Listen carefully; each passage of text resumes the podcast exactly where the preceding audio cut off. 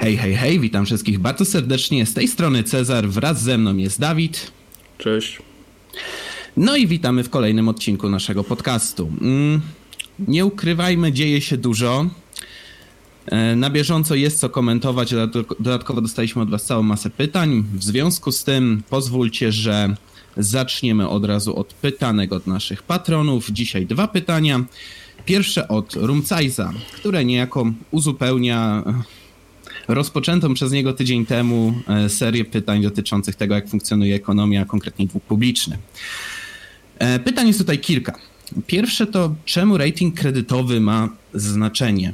W skrócie rzecz ujmując, rating kredytowy oznacza poziom zaufania, jaki ma się do danego państwa pod kątem tego, e, no, czy jest ono dobrym wierzycielem? To znaczy, jeśli damy kasę, to jaka jest szansa zwrócenia tych pieniędzy nam? Więc jeśli mamy rating wysoki, powiedzmy 3A, no to znaczy, że jesteśmy dość zaufaną, stabilną gospodarką, której można dać kasę. No ale jeśli mamy rating powiedzmy już taki spekulatywny pokroju C, to znaczy, że jesteśmy gospodarką, w którą inwestowanie jest no, równie efektywne jak, wiecie, wrzucanie kasy do dziury, którą jest obecny ZUS. W związku z tym, te państwa, które mają wyższy rating kredytowy, mogą sobie zagwarantować no, po prostu tańszy kredyt. To znaczy, jeśli mamy pewność, że i tak będzie nam spłacony, no to możemy zaryzykować, ok, nie dawajmy im 7%, tylko 3%. No i te 3% ostatecznie przełożą się, że no coś zarobimy, tyle że mniej, bo niejako płacimy trochę jeszcze za zaufanie. Natomiast państwa, które mają spekulatywny rating, tam już powiedzmy, nie wiem, C lub D, e, no to są państwa, które raczej nie spłacą. W związku z tym muszą wynagradzać nam to ryzyko dużo większym oprocentowaniem tych pieniędzy. W związku z tym im jest trudniej pozyskiwać fundusze, no a my nie powinniśmy raczej się spodziewać, że uda nam się te pieniądze w jakiś sposób odzyskać. Znaczy, no, jeśli będziemy tym jeden na milion, któremu się uda, no to, to i tak trzeba uznać to za ogrom szczęścia, bo to jest, no, inwestowanie w państwa spekulatywne jest porównywalne z, nie wiem, grą w kasynie, tak? raczej nie będzie z tego zwrotu. Mm, dalej. Jak bankrutują państwa i jakie ma to konsekwencje? No, państwa bankrutują jak każdy inny podmiot, to znaczy w pewnym momencie są po prostu niezdolne spłacać swoich mm, jakichś tam zadłużeń, tak, które na, naściągały.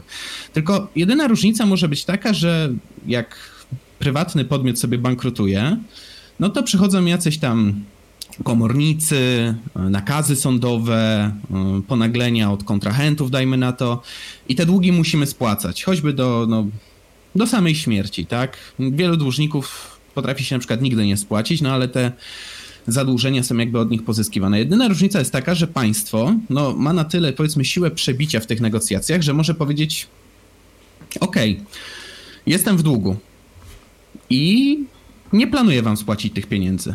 No tu najbardziej popularny byłby chyba case Argentyny. To znaczy, Argentyna jest państwem, które nie planuje spłacać zadłużenia, kiedy wpada w kolejną spiralę zadłużenia.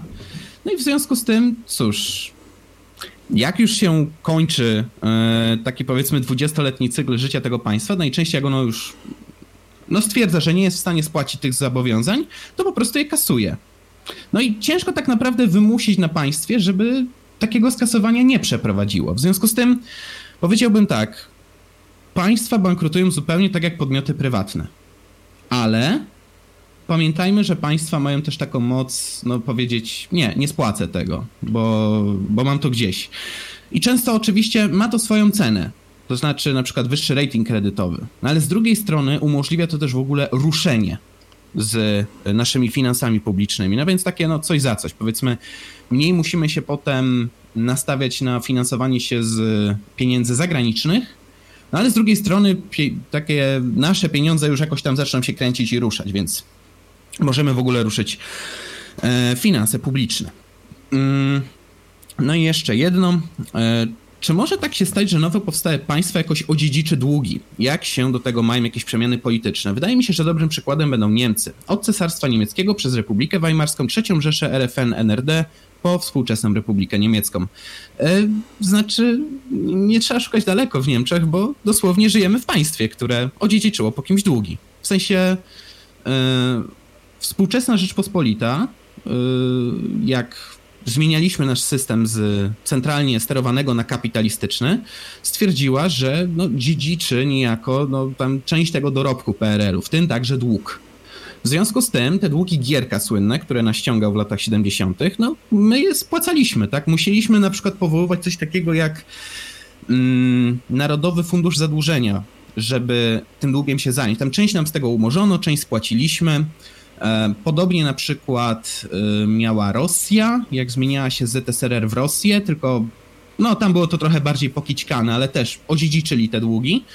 E, więc tak, można odziedziczyć te długi, chociaż powiem tak, to czy ktoś odziedziczy zależy raczej od tego, czy jest to na rękę. To znaczy, przykładowo, my dziedzicząc nasz dług, chcieliśmy w jakiś sposób pokazać, że ej, od teraz będziemy biznes, biznesowym partnerem dla was, w związku z tym nie to, że o tym zapominamy, ale jakbyście nam to rozłożyli na raty albo coś.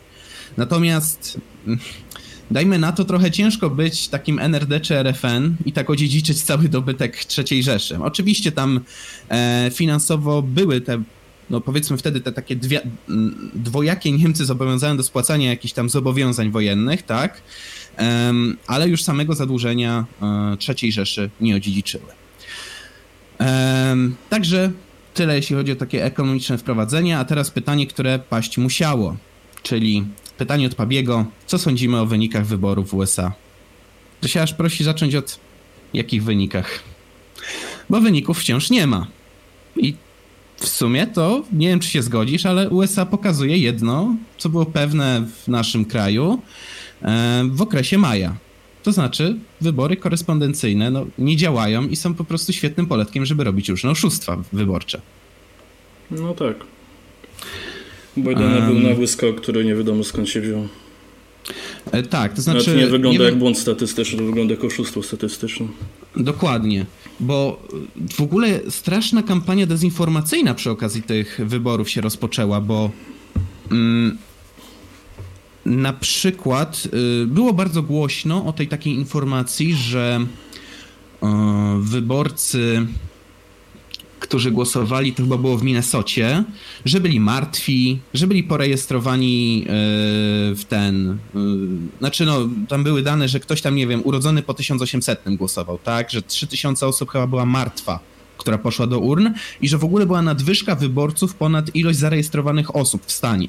Tam, co ciekawe, odkręcono niektóre z tych kłamstw. Na przykład FBI zajęło się tą kwestią dotyczącą martwych ludzi, pięknie to brzmi. No i generalnie rzecz ujmując, z całą pewnością zrobiono tam szwindel jakiś, bo na przykład wciąż nie odkręcono tego fake newsa, znaczy nie wiemy czy fake newsa, nie odkręcono tego newsa dotyczącego tego, że tam w którymś stanie na Bidena porejestrowało się chyba pod rząd, tam nie wiem, 130 tysięcy głosów, czyli tak jakby liczymy i 135 razy, 135 tysięcy razy pod rząd mamy Biden, Biden, Biden, Biden. W związku z tym tak, te wybory były przekręcone, ale najlepsze, że wciąż nie ma wyborów i wciąż nie wiemy, jak żaden z kandydatów się do tego odwoła. No bo jak tak analizowałem, to to są w sumie dwie taktyki, bo trzeba pamiętać, że amerykański system polityczny jest mocno powiązany z partiami politycznymi.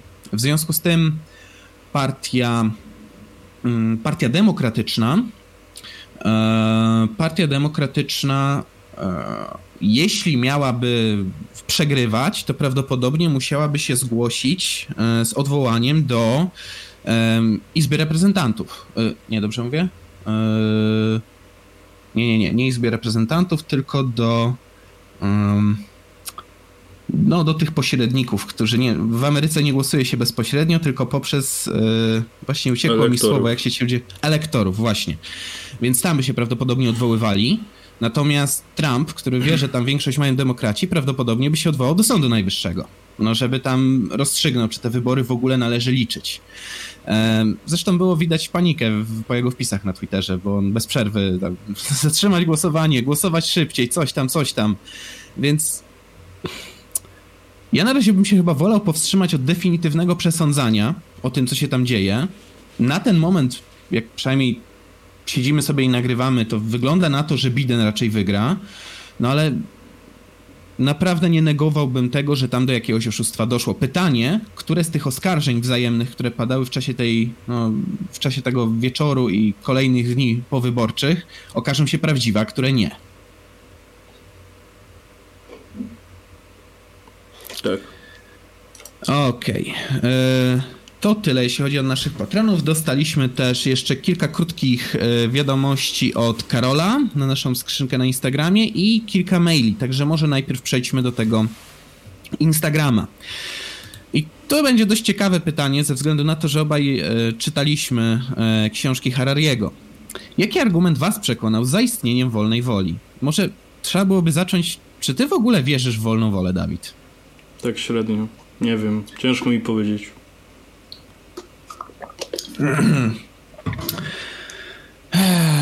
Z jednej strony znaczy... Harari pisał, że jesteśmy układem prostu algorytmu, który jest na tyle skomplikowany, mhm. że nie jesteśmy w stanie go jeszcze zrozumieć, więc wolna wola jest po prostu abstraktem, który pozwala nam jakoś funkcjonować w społeczeństwie. Mhm. Z drugiej strony, dopóki nie odkryjemy tego równania, to ciężko będzie powiedzieć cokolwiek więcej. Mm.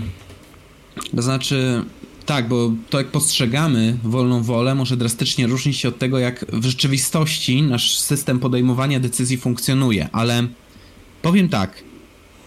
Do tego, że raczej wolna wola jest niż nie jest, przekonuje mnie taki argument, że wciąż trzeba na człowieka wpływać albo manipulować, żeby on tak jakby oddał nam kontrolę nad swoimi decyzjami. To znaczy, nawet w, ostrze, w ostrej grze politycznej, gdzie mamy. E, no, dajmy taki prosty przykład z naszego podwórka. No mamy zwolenników PiS i PO. Oni się często przedstawiają takim fanatyzmem, nazwijmy to. To znaczy, znajdziemy tam grupy ludzi, które no, bardziej lub mniej, ale chcą pokazać, że no, oni mają rację, ich racja jest najmojsza i tak dalej, i tak dalej, i że żaden argument merytoryczny, tak by się wydawało, do tych ludzi nie trafia. Ale czy oni zawsze tacy byli? Niekoniecznie. To znaczy wpływa na to prawdopodobnie ilość i jakość propagandy, z jaką się zdarzyli, wpływa na to środowisko, w jakim się wychowywali. Innymi słowy, wydaje się, że kultura środowiska, w jakim się obracają, wpływa w jakiś tam sposób na to, e, czy mm, tak jakby oddadzą kontrolę nad swoimi decyzjami jakiemuś innemu podmiotowi, na przykład partii politycznej, będą śpiewać tak, jak im partia zaśpiewa. W związku z tym powiedziałbym tak. Na ten moment wydaje mi się po prostu, że wolna wola jest. Co nie znaczy, że nie można jej schakować i nie można, że tak powiem, no, przez takie zaniedbanie zwyczajne, nie? To po prostu zostawić ją poza swoją kontrolą, oddać ją komuś. To znaczy właśnie ugrupowaniu politycznemu, sekcie religijnej, albo tak jak rozmawialiśmy tu już na podcaście, nie wiem, jakimś stowarzyszeniem szurskim. Bo tam tłumaczyliśmy, że ludzie przez różne czynniki mogą w takie grupki wpadać, tak? I to nie jest koniecznie do końca ich wina i to nie jest koniecznie zrobione z wolnej woli, ale raczej poprzez tak jakby poświęcenie tej wolnej woli, którą w pierwszej kolejności jednak ktoś miał. Co tam dalej, mamy dalej? Już patrzę, już patrzę. Kolejne pytanie. Co uważamy o Karolu Fiałkowskim? Nic, znaczy, nie, nie wiem, śledzę. Nie śledzę, także e, tutaj też się nie wypowiem. Kolejne. Czy socjaldemokracja i albo ordoliberalizm mogą działać produktywnie? Um, znaczy się powiem tak. E, może tylko zacznę od tego. Czy wiesz, czym jest ordoliberalizm? Nie. To jest generalnie taki pomysł na prowadzenie gospodarki wymyślonej przez e, Erharda w Niemczech, polegający na tym, że robimy tak jakby najbardziej możliwy, jak, jak najbardziej wolny rynek. W sensie tyle swobód obywatelskich, tyle swobód takich rynkowych, ile to tylko możliwe, ale poza jednym aspektem, bo wiemy, że na wolnym rynku bardzo ważnym aspektem są umowy i dobrowolność tych umów to te umowy muszą być obudowane bardzo surowym, sztywnym, ale prostym i niezmienialnym w czasie prawem. Czyli tak jakby mamy bardzo silną podstawę prawną pod wolny rynek. To na tym polega ordoliberalizm. Ja powiem tak, y, ja w materiale o kapitalizmie nawet wyjaśniałem, że kapitalizm to jest taki bardzo fajny system ekonomiczny, który potrafi się dostosować właściwie do każdego innego systemu ekonomicznego.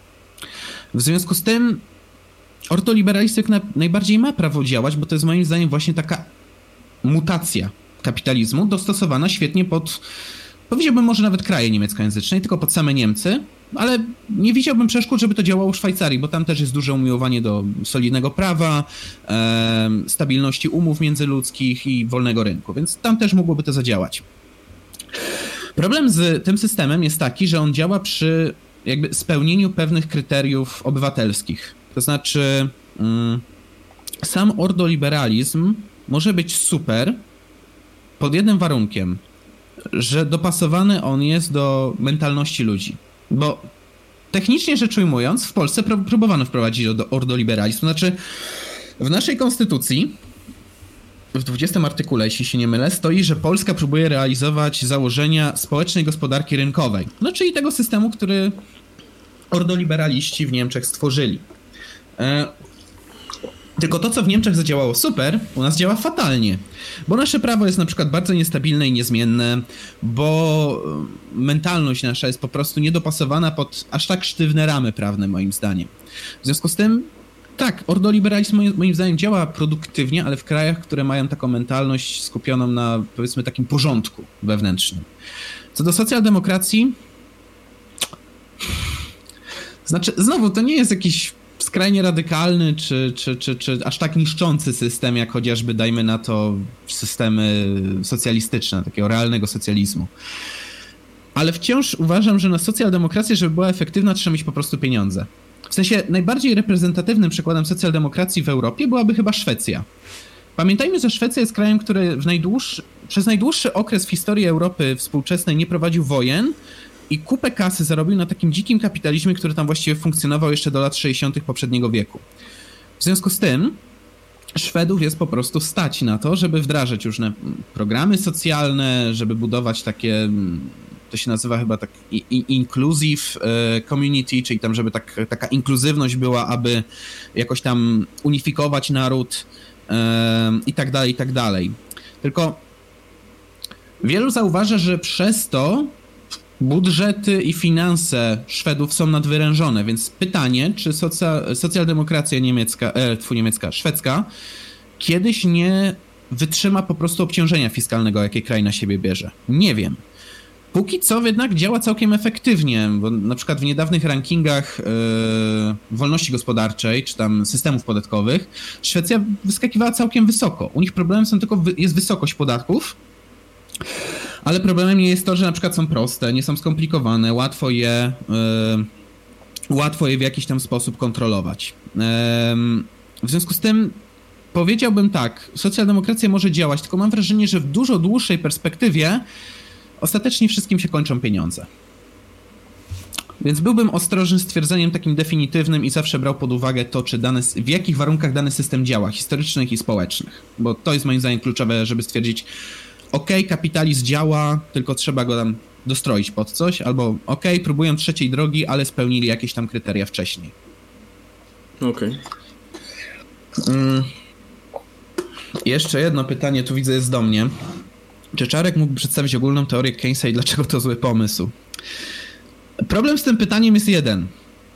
Dosłownie na kursach ekonomii potrzeba co najmniej kilku godzin, żeby dobrze zrozumieć teorię Keynesa i ją wyjaśnić. Ale jak miałbym tak skrótowo wytłumaczyć, to w ogólnej teorii zatrudnienia procentu i pieniądza Keynes sugerował, że głównym czynnikiem, który mm, tak jakby buduje bogactwo narodu,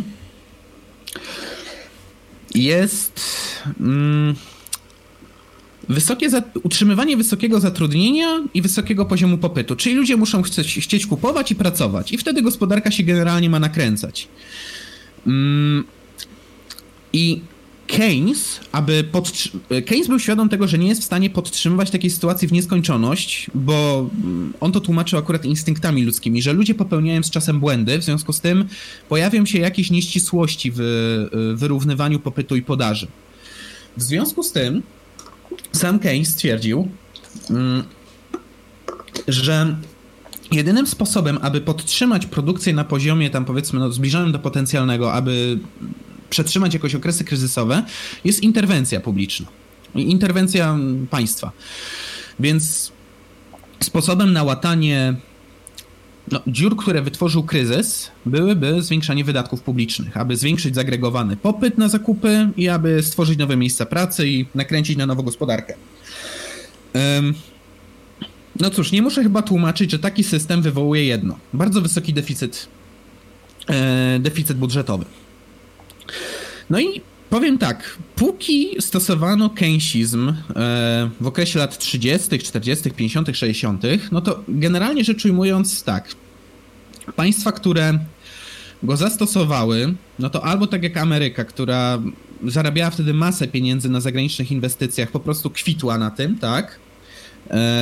Albo trwała wojna. Wojna, no, to brzydko zabrzmi, ale ona też napędza produkcję przemysłową. W związku z tym, no, nie potrzebowaliśmy na przykład produkować czołgów jeszcze rok wcześniej, a teraz produkujemy ich 2000 powiedzmy rocznie. No to jest jednak dość duży skok dla gospodarki, w sensie przynajmniej liczbowym.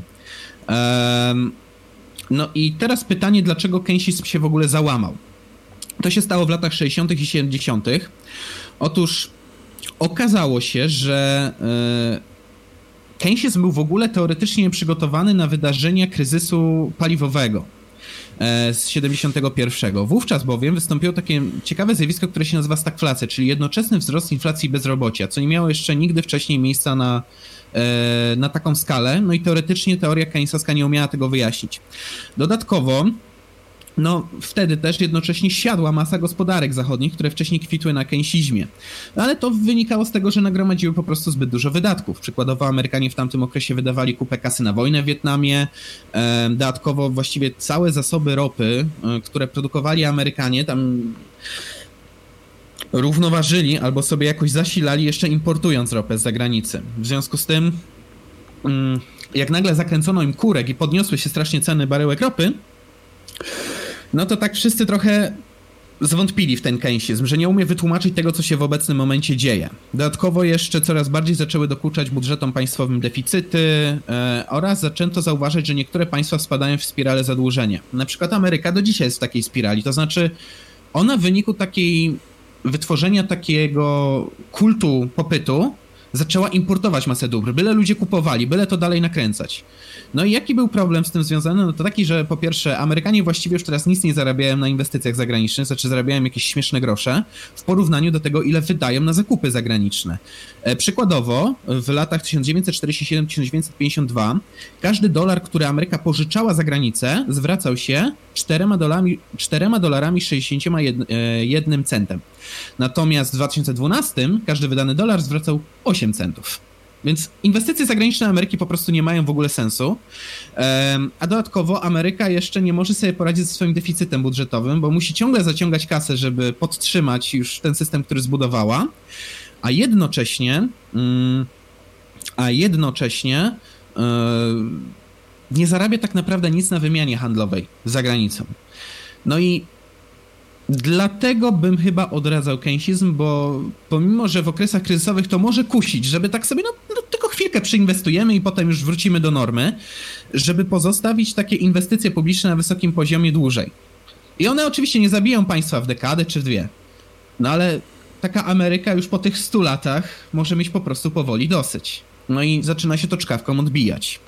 A mówię, pierwsze symptomy tego, że keynesizm może mieć negatywne skutki, pojawiły się po dłuższym okresie, no bo wprowadzanie go realnie miało miejsce w latach 30., 40., a pierwsze symptomy, że coś jest nie tak, tak dopiero w 70. świat dostrzegł. Także pod tym kątem e, keynesizm myślę byłby mm, no, niepolecanym systemem na dłuższą metę, albo no, trzeba byłoby uwzględnić, że wdrażając techniki keynesizmu powinniśmy mieć po prostu zaoszczędzone dużo pieniędzy. Trochę jak z tym case'em o Szwecji, który opisywałem przed chwilą. Okej, okay. to już wszystko, jeśli chodzi o skrzynkę na Instagramie. Teraz jeszcze przejdźmy na skrzynkę mailową. Bowiem dostaliśmy bardzo dużego maila od Karola Dema. Pozdrawiamy Karolu. No i cóż, przejdźmy może do jego treści. Mm, cześć. Witaj. Rozumiem Wasze obawy dotyczące Neuralinka czy modyfikacji genów i zastanawiam się, czy nie obawiacie się również istnienia pieniędzy. Istnienie pieniędzy może stworzyć sytuację, w której tworzy się nowy rodzaj człowieka. Jednego stać na, e, jednego stać na prawnika, innego nie. I ten, którego na prawnika stać, może zniszczyć tego, na którego, którego na prawnika nie stać. Czy nie boicie się też istnienia protez? Już są tworzone trzecie kciuki, e, czy egzoszkielety Czy nie tworzy to niebezpieczeństwa powstania kasty nad ludzi Ironmanów? Powiem więcej, czy nie boicie się istnienia samochodów? Wiadomo, na początku samochody będą drogie i tylko bogaci ludzie będą w stanie w stanie na nie pozwolić. Wiadomo też, że możliwość e, przemieszczania się i transportu towarów, na jaką pozwala samochód, daje ich posiadaczom miażdżącą przewagę ekonomiczną nad ludźmi, którzy ich nie posiadają. Czy nie boicie się więc, że powstanie kasta nad ludzi posiadających samochody, która uczyni z ludzi e, z ludzi samochodów nieposiadających niewolników na organy do, transplanta do, do transplantacji? Analogicznie jakoś nie podzielam obaw o automatyzację. Nie uważacie, pisze oczywiście w tym, nie uważasz, nie, pisze oczywiście w tym momencie do Czarka, że raczej powinniśmy martwić się o to, czy pomysły typu gwarantowany dochód podstawowy nie zostaną wprowadzone szybciej niż przemysł 4.0, e, byłby go w stanie utrzymać. Mm, znaczy, bardzo szanuję tutaj taki prowokacyjny ton i ja może zaznaczę albo zaakcentuję jedną rzecz. Nie mówię, że najczarniejszy scenariusz się zdarzy, ale Myślę, że te obawy, przynajmniej u mnie, wynikają trochę z tego, że widzę po prostu w jaki sposób przebiega teraz praca nad usprawnieniami człowieka per se. To znaczy, pracują nad tym głównie podmioty takie jak rząd chiński, który nie kryje się z tym, że ma gdzieś jakieś tam zalecenia, prawa człowieka i tak dalej, i on po prostu chce stworzyć lepszego człowieka przed wszystkimi. Więc jeśli taka technologia i rozdysponowywanie miałoby być w rękach chińskich, no to bym się już tu bardzo obawiał. Oczywiście nie wiem też, jak na przykład z Neuralinkiem zachowa się pan Musk. Nie wiem za jaką na przykład, za jakim progiem cenowym go wstawi, bo to jest Musk. Trzeba pamiętać, że znaczy inaczej, nie zdziwiłbym się po, e, po nim akcji, w której on by stwierdził, rozdaje Neuralinki wszystkim z Afriko ale też nie wiemy, jak wykorzystają go inne podmioty, bo pamiętajmy, że Neuralink ma być rozszerzeniem do mózgu, które no, na przykład nie wiem, będzie mogło łączyć się z siecią, albo które będzie w stanie yy, no, podsyłać na może jakieś tam profilowane dane na jakieś tam tematy, tak? W związku z tym powiem szczerze, yy, jeśli idzie o yy, technologię usprawnienia człowieka czy modyfikowania człowieka, ja po prostu wyrażam możliwie najczarniejsze obawy, choć niewykluczone, że to pójdzie w jakiś łagodniejszy sposób. W sensie, no tak jak tu przedstawione przykłady pieniądze czy samochodów, one ostatecznie się jakoś tam rozprzestrzeniły po gospodarce i niczego nie zniszczyły. Mm. Jedynie wyrażam obawy bardziej o to, w jakiej dynamice to przebiega i przez kogo może być to nadzorowane. Znaczy, A u znaczy, ciebie. No, moja, mm, Moja obawa trochę wynika z tego, jaki to jest rodzaj technologii. Mhm. Auto po prostu sprawiło, że byliśmy w stanie się przemieszczać na większe dystanse, czyli trochę większa globalizacja. Protezy mhm. sprawiły, że niektórzy ludzie mogli zacząć chodzić i być w cudzysłowie normalni.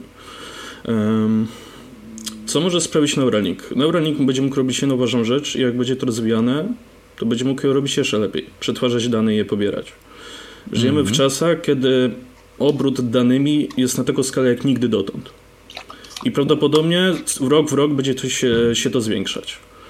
W efekcie istnieje duża obawa, co ta technologia może ostatecznie zrobić, bo w przypadku samochodów nie było tak dużej obawy, tak? Bo obawa, tak jak wspominaliśmy na, wspominałeś na prezentacji e, odnośnie mhm. infonarchizmu, że była obawa chyba w XVIII wieku bodajże, że, koniec, tak. Tak, że Londyn może być zalany kupą kupy konia, że tak się wyrażę, gnoju po prostu.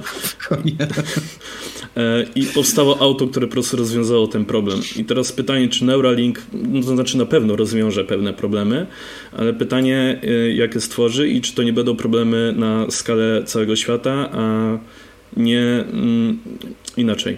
Pytanie, czy wynalazek Neuralink i to, co mogą też z tym próbować robić Chiny, nie sprawi, że więcej jako społeczeństwo świata na tym stracimy niż zyskamy. Mhm. E, w sumie to jeszcze zahaczyłeś o taki dość ważny aspekt tego, o dane. W sensie żyjemy w świecie, jeszcze trzeba pamiętać, w którym dane zyskują coraz większą wartość. W sensie wiedza jest nieuchwytna, ale tak jakby chcemy ją coraz bardziej posiadać. W związku z tym pytanie się jeszcze pojawia, e, czy nie będzie może przypadkiem tak, że Neuralink, znaczy nie mówię, że w obecnej iteracji, ale któraś z iteracji Neuralinka albo podobnej technologii nie będzie w stanie tak jakby wykradać od nas danych. Bez naszej wiedzy, oczywiście. Że nie będzie w stanie jakoś nas tam nadzorować albo skanować w cudzysłowie, żeby stwierdzić, o, ten pan na przykład powinien już, nie wiem, trzy tygodnie temu pójść do lekarza, żeby się tam zbadać pod kątem e, nowotworu, a zamiast, za, zamiast za tego nadal pali, no to dobra, to od razu szybko idzie po cichutku informacja, nie wiem, do ubezpieczyciela, żeby mu podniósł składkę zdrowotną. W sensie informacja jest naprawdę cenna, bo może na niej po prostu zarobić. No i Neuralink wydaje się być taką trochę furtką, żeby takie informacje zbierać i to niekoniecznie legalnie, jeśli tu jakiejkolwiek legalności może być mowa. Tak, więc bardziej z tego wynikają obawy, ale to, ten prowokacyjny ton te, też spowodował mały uśmieszek na mojej twarzy. No dokładnie o to chodzi. Jeszcze jest pytanie następne. Prosiłeś o merytoryczną debatę a propos obecnych pro, e, protestów. Czy mógłbyś przytoczyć jakieś merytoryczne argumenty za tym, że płód ma lub nie ma takich samych praw jak trzylatek? Bo chyba się zgodzimy, że ta kwestia jest jak piąty aksjomat Euklidesa dla tej kwestii. Jak go przyjmiesz, wyjdzie ci geometria Euklidesa. Jak odrzucisz, wyjdzie ci geometria Łobaczewskiego. E, a argumenty, które ja słyszałem, typu człowiek dostaje DNA w momencie zapłodnienia, czy płód do któregoś tam tygodnia nie posiada mózgu, więc nie można e, wywołać zgonu, jakoś brzmią średnio merytorycznie, chociażby dlatego, że są tak samo wartościowe i sprzeczne jednocześnie.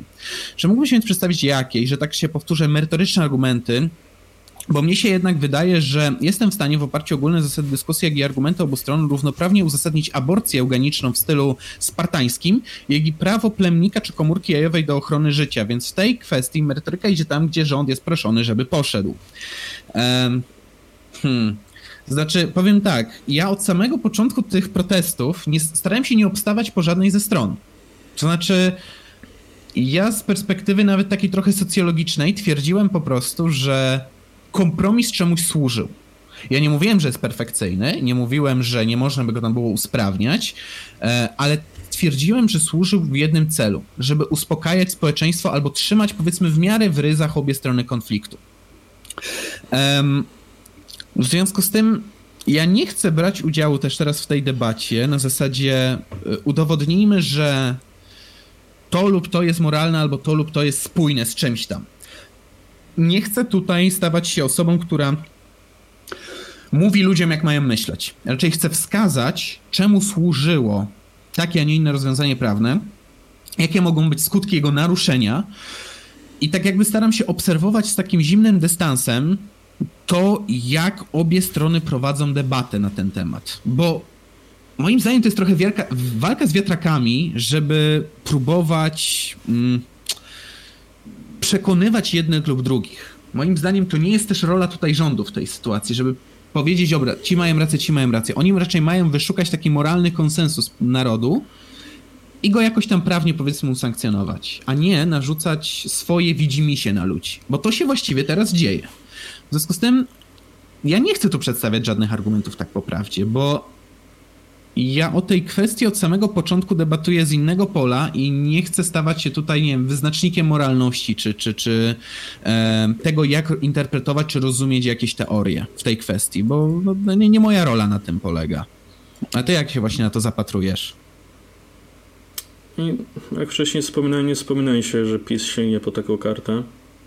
Mhm. Znaczy ja w pewnym sensie rozumiem protesty, ale trochę nie akceptuję tego, że są aż tak wulgarne i że po prostu nie szanuje się drugiej strony, bo w ten sposób nigdy nie dojdzie się tak naprawdę do niczego. Problem zostanie, a może nawet większy niż był. Mhm. Więc też bardziej na to patrzę z punktu widzenia obserwatora niż kogoś, kto staje po czyjejkolwiek stronie. E, dokładnie. Ja bym jeszcze powiedział tutaj jedną rzecz, że e, jak już tak zahaczyłeś o te protesty, to nie masz wrażenia, że te protesty zaraz padną? Tak, już, już zaczynają Bo... padać. Znaczy, największy cios dla tych protestów to chyba było ogłoszenie tej Rady y, Protestu Kobiet. Tak. W sensie. Oni sobie oni strzelili w kolano. Tak. Oni tam wprowadzili całą masę aktywistów lewicowych. W programie jest cała masa postulatów lewicowych i słyszę coraz częściej po prostu głosy ludzi, którzy mówią ej, a to nie miało coś tam o aborcji i kobietach być? Co tu robią, nie wiem, jakieś tam wydatki na NFZ, czy... Co tu robi Szumlewicz, który chce zlikwidować śmieciówki, na przykład. O, właśnie. No, Moim zdaniem to, to jest niestety właśnie taki Dlatego moim zdaniem, jeśli już robisz protest, to musisz go bardzo dobrze przygotowywać i być gotów na to, że um, no, musisz go trzymać trochę za pysk, ten protest, bo bardzo łatwo protest zdegenerować. No teraz po prostu można powiedzieć, że ci lewicowi aktywiści wykorzystali go sobie jako taką pompkę do przepychania swoich pomysłów, e, takich ustrojowych już bym powiedział. Nie tylko w tej kwestii, ale w kwestii powiedzmy szerzej rozumianego ustroju. Więc... Znaczy twórcy protestu kobiet myśleli, że będą sobie mogli za chwilę niczym Szymon Hołownia stworzyć partię polityczną i spróbować się wepchnąć na przykład do Sejmu, gdzie mhm. większość ludzi nie poszło na e, protesty, bo e, na przykład uważa, że śmieciówki powinny być zlikwidowane, tylko na przykład nie wiem, są w związkach i ich partnerek, ich, ich partnerki po prostu boli ten problem i uważają, że to jest nie fair i oni chcą je po prostu wesprzeć i, i to tyle. Mhm, mhm. Także Zrozumiałym bym powiedział tutaj jest taka emocjonalna reakcja ludzi, ale już kompletnie niezrozumiałe jest no to, co próbowali z tym zrobić politycy, yy, politycy, którzy się w to zaangażowali, czy aktywiści, bo no, można powiedzieć, że coś podobnego yy, próbowali zrobić korwiniści wcześniej z protestem przedsiębiorców, jak, jak był pierwszy lockdown. Tylko Powiem tak, no tutaj muszę pochwalić lewicę za większą skuteczność polityczną, no bo tam, no powiedzmy, owszem, błysnęli, ale to szybko zgasło, a tutaj no, popatrz, że dopiero się wszyscy zorientowali, jak ktoś ogłosił skład tej rady i ogłosił postulaty i dopiero takie, ej, moment, to, to, to chyba, to, to, to, chyba nie to, nie, to to. A, to, aha, to, to i, my, i my to stworzyli, a, to, to, to dobrze wiedzieć. Ale tak to zwykle jest z tymi protestami. Chcieli wojnę, e... dostali wojnę. No, w sumie tak. Prosili się o to w pewnym sensie. A potem zdziwieni, że wojna oznacza rozlew krwi. To chyba są nawet twoje słowa, nie? Dobrze. Dostaliśmy jeszcze dwa maile od yy, osoby pod pseudonimem FW2609. Także yy, zajrzyjmy i do nich. Hej, piszę odnośnie odcinka numer 9, gdzie robiliście kompas polityczny. Było tam pytanie o walkę, yy, walkę rządową z handlem narkotykami. Yy, Omówiliście temat lekkich narkotyków i spoko, tutaj się zgadzam, niech to będzie legalnie sprzedawane i używane do celów leczniczych. A co z ciężkimi dragami, na przykład heroiną? Ani państwo, ani prywatne spółki nie powinny ich sprzedawać. Byłaby to patologia. Zatem pozostaje czarny rynek, który należy zwalczać poprzez edukację i kary. Kwestię kar widzę tak, by osoby, które zostaną przyłapane na handlu karać więzieniem lub mandatem, w zależności od tego, jaki jest system resocjalizacji lub go nie ma, a tych spożywających jednorazowo olać. Ich sprawa. Uzależnionych skierować na leczenie. Powinniśmy moim zdaniem w tych w tematach rozwijać się na co najmniej drogi na co najmniej dragi lekkie i ciężkie. Są inne podziały, ale te najbardziej podstawowe często wystarczy. Bo traktowanie wszystkich jako jedno jest szkodliwe. Taka heroina, konopie to dwa inne światy, a dalej można tego, dalej można je do jednego wora wrzucić. Mm. Znaczy, czy ty byś rozpatrywał różnicę między ciężkimi a lekkimi dragami, jakby chodziło o, wiesz, penalizację, legalizację i tak dalej? Znaczy, jeśli ktoś zażywa daną substancję, z czegoś to wynika. Zawsze.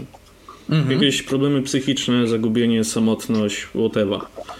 Mhm. Jeśli chodzi o handel cięższymi drogami, yy, przeszłości, przynajmniej tyle, co obserwowałem po różnych rozmowach z osobami, które na przykład robiły hip-hop w latach 2000 i wcześniej i mieszkały na przykład w Warszawie, yy, to też było troszeczkę widać, nie tak dokładnie, bo to nie był jakiś główny wątek, ale tak draśnięcie troszeczkę tego tematu tak, tak yy, trochę od tyłu, E, tak po cichu było na przykład też w skandalu moleścy, w tym dokumencie, który niedawno wyszedł. Mhm.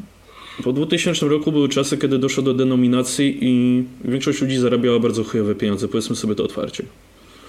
Dobra, Ci, którzy mieszkali w Warszawie tym bardziej. Tam naprawdę było ciężko i duża część raperów, która tworzyła w tych czasach, to byli ludzie biedni. E, Wojtek Sokół na przykład był bezdomny przez 13 lat z własnej woli. Pomieszkiwał mhm. jakiś kumpli, zdawał maturę w ogóle w Gruzji. Nie, nie wiem, jak do tego doszło, bo jakoś jego jakiejś biografii mocno nie obserwowałem, nie, nie wczytywałem się, dlaczego do tego doszło. Okay. Y, I dużo raperów wspominało, że handlowało drogami, bo handlem drogami zarabiali po na 20-30 razy tyle, co mogliby zarobić normalnej pracy. Więc jak masz do wyboru harować na dwa etaty i zrobić tyle, że wyżyjesz do pierwszego, a handlować drogami ryzykować więzieniem oczywiście, ale móc zapewnić nagle byt całej rodzinie, to chyba wiadomo, że wybierzesz raczej tę drugą, nie? Mhm. Oczywiście dzisiaj już jesteśmy w innych czasach, co nie zmienia faktu, że nadal pewne problemy są. Wynikają one mhm. bardzo często ze środowiska, bo jeśli obrazasz się w gorszym środowisku, no to sam się stajesz gorszy. E, to jest dużo szerszy problem i moim zdaniem wsadzenie ludzi do więzienia nie sprawi, że oni staną się lepsi.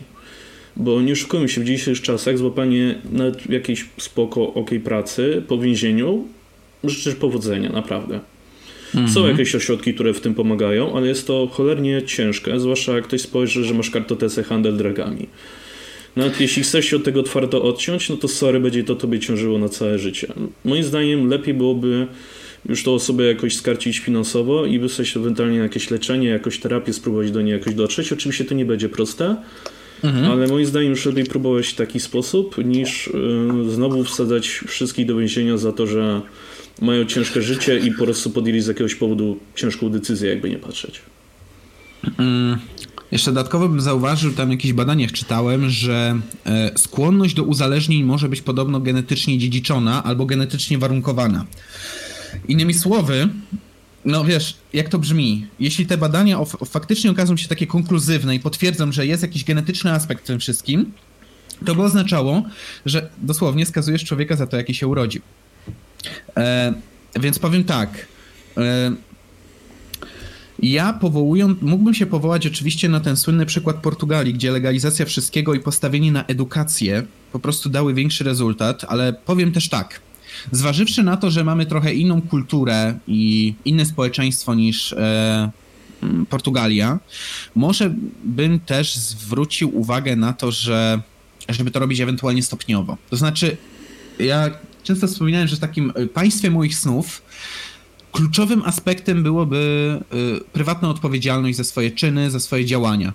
W związku z tym, jak być odpowiedzialnym, jeśli coś mam odgórnie zakazane? Znaczy, ja muszę mieć wybór i powiedzieć temu wyborowi nie, albo na przykład nauczyć się jakoś tam z czymś obchodzić, powiedzmy, tak? Um, ja nie mówię, że mogę wypracować coś takiego szybko. W związku z tym tak, powiedzmy, że godziłbym się na pośrednie rozwiązania. No na przykład, dajmy na to teraz, y, mamy sytuację, że w naszym kraju no, wciąż trwa debata dotycząca legalizacji THC. No bo zioło CBD jest dostępne, ale THC przez polskie prawo jest zakazane. Y, tak, to nie, to nie jest oczywiście może rozwiązanie idealne, w którym ludzie już biorą pełną odpowiedzialność za siebie, ale to jest w tym kierunku. W związku z tym, tak, ja bym taką inicjatywę poparł z tego powodu chociażby, tak? I rozumiałbym potrzebę istnienia podziału na te, te twarde i miękkie narkotyki w okresie przejściowym, ale z czasem bym próbował od tego odchodzić, żeby po prostu nawet rozszerzać tą odpowiedzialność ciążącą na człowieku. Żeby to on wiedział, że to jest jego decyzja, że on musi odpowiednio na przykład wychować dzieci, żeby były świadome z czym, z czym się mierzą. Oczywiście nie zachęcam oczywiście też, żeby w szkołach na przykład, jak będą państwowe, żeby nie edukować w tym zakresie jak najbardziej trzeba. Um, no mówię, kwestia problematyczna, bo zazwyczaj zmiany systemu nie przebiegają od tak, tylko raczej przebiegają stopniowo. W związku z tym, tak, ja rozumiem potrzebę takiego stopniowania, tylko jednocześnie zaznaczam, dlaczego może byłbym tak liberalny. To znaczy, to jest kwestia tego brania odpowiedzialności za siebie w tym takim państwie mych snów. To znaczy, tutaj też dużym problemem, to znaczy problemem. E, dużą kwestią jest to, o czym wspominał niejednokrotnie Mystosław, że mhm ci ludzie, którzy bardzo często edukują w szkołach, przyjeżdżają z jakichś tam ośrodków, fundacji, whatever, edukują w bardzo zły sposób. Yy, po prostu wychodzą, mówią, narkotyki to jest zło wcielone, zacznie się od piwa, skończy się na kokainie, yy, jest złe, złe, złe, umrzecie, będzie totalnie źle, w ogóle macie nie brać, w ogóle nie. Mhm. A później do ciebie przychodzi kumpel, który ci pa i mówi, że jest zajebiście, masz taki kontrast, że już nie wiesz, co masz wierzyć. Dziemiostosław mówi taka, otwarcie, że... że... jeśli jakaś szkoła chce, to on chętnie przyjdzie i wytłumaczy to od tej strony, co trzeba. Czyli powie, mhm. jak działają te narkotyki, ja, co trzeba robić, żeby je brać z głową, że tak się wyrażę, czyli żeby sobie mhm. nie zaszkodzić, bo w przypadku niektórych da się. Eee, I po prostu edukować w tym kierunku, którym trzeba. Po prostu, żeby człowiek był w pełni świadomy od, od początku do końca, co się z czym wiąże, a nie, że narkotyki to zło wcielone, macie nie brać koniec kropka. I mhm. patrzcie, on jest taki biedny, bo on brał i teraz jest smutny. Mhm. Mm. Ja bym jeszcze zauważył, że właśnie jak jest takie zderzenie, że powiedzmy słuchałeś gościa, którego nie znasz na apelu, powiedzmy, który tłumaczył, że narkotyki to samo zło, a potem przychodzi do ciebie kumpel, czyli bliska osoba i mówi, nie no, jest po tym fajnie, no to kogo większa szansa, że posłuchasz tak po prawdzie? No kumpla. Tak. Więc a w przypadku Trzeba... Mestosława, jak do mhm. ciebie przyjdzie, to on ci zacznie wykładać badania naukowe, które możesz sam sprawdzić, sam zweryfikować tą wiedzę. Tak, i on nie demonizuje tego, tylko mówi, tak, jest tego fajny aspekt, jest tego niefajny aspekt, tak. musisz wiedzieć to, musisz wiedzieć tamto. I wtedy, no wiesz, nawet masz solidniejszą merytoryczną podstawę, żeby powiedzieć, okej, okay, tobie jest fajnie, ale ja słyszałem o tym i o tym, więc na przykład wolę nie, albo e, zrobię to wtedy, kiedy będę gotów. No, dużo łatwiej myślę wtedy taki opór dać bezpośredniemu środowisku, które nas otacza.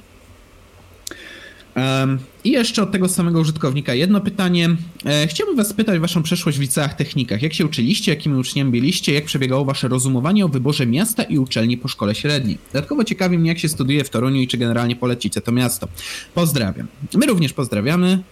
E, o matko, jakim byłem uczniem w liceum? No takim powiedzmy po, po, powyżej przeciętnej, o tak bym się określił. W sensie no, jakieś tam czwórki, piątki się łapało takim trochę outsiderem byłem. A jak przebiegało rozumowanie, to, to, to może wyłożę to tak. Mm, wszyscy próbowali mi wcisnąć, że jestem niezły z matmy, ale kombinatoryka to było dla mnie coś naprawdę ekstremalnie ciężkiego do przeskoczenia. W związku z tym się od tego odbiłem i poszedłem na, na moduł współpraw. E, na współprawie szło mi całkiem dobrze i miałem takie rozdarcie, można powiedzieć, pod koniec liceum, czy iść na e, prawo, czy iść na studia ekonomiczne, ale przez ten taki dość charakterystyczny zbieg okoliczności, który ty, Dawid, znasz, tutaj nie będę przytaczał, no ostatecznie poszedłem na to prawo. No i to się okazało jednak błędną decyzją, bo to był kierunek taki, no mocno jednak nastawiony na zakuwanie, mocno nastawiony na e, pamięć. Podczas gdy ja nie jestem raczej pamięciowcem, a jestem raczej osobą, która... Mm, rozumie, a potem stosuje jakiś model. O, co, co, coś takiego. Więc yy, potem po prostu stwierdziłem, dobra, jednak nie idę w to, zmienię kierunek na ekonomię, na której się faktycznie odnalazłem, a jak doszło do tego, że wybrałem Toruń, to bardzo proste. Był blisko i był tani. Pod tym względem mogę Toruń naprawdę polecić. To znaczy, jeśli ktoś finansowo tak średnio się trzyma, to Toruń jest o tyle super, że jest faktycznie relatywnie tani w porównaniu do innych miast z uczelniami wyższymi. No i dodatkowo mm, no powiem tak, no dla mnie plusem było też to, że jest całkiem niedaleko ode mnie. Znaczy, no tam te 100 kilosów muszę zrobić, żeby sobie na przykład do domu rodzinnego wrócić, więc pod tym kątem spoko. A jak się studiuje w Toruniu? Jak na każdej uczelni. Są różne patologie, są różne jakieś śmieszne sytuacje. E, moim zdaniem całkiem przyjemne miasto i dość spokojne. Znaczy, nie ma tu może aż takiego wielkomiejskiego, nocnego życia, jak w innych miastach się słyszy, ale jak dla mnie całkiem chillowe miasto. Moim zdaniem po, po, polecam ze względu na niskie koszty. O, to na pewno. Ja Toruń wybrałem ze względu na to, że się nie dostałem do Warszawy, a nie chciałem zasuwać do Olsztyna, który był cholernie daleko, bo tam też się mhm. dostałem. Przeszedłem na informatykę, z której ostatecznie zrezygnowałem gdzieś po bodajże 3-4 latach, bo zupełnie się tym nie odnajdywałem i zupełnie tego nie czułem. Nie czułem prawie żadnej pasji do informatyki ostatecznie. Do wszystkich zastanawiających się, dlaczego w ogóle poszedłem na infę, bo całe życie ogarniałem komputery jakkolwiek.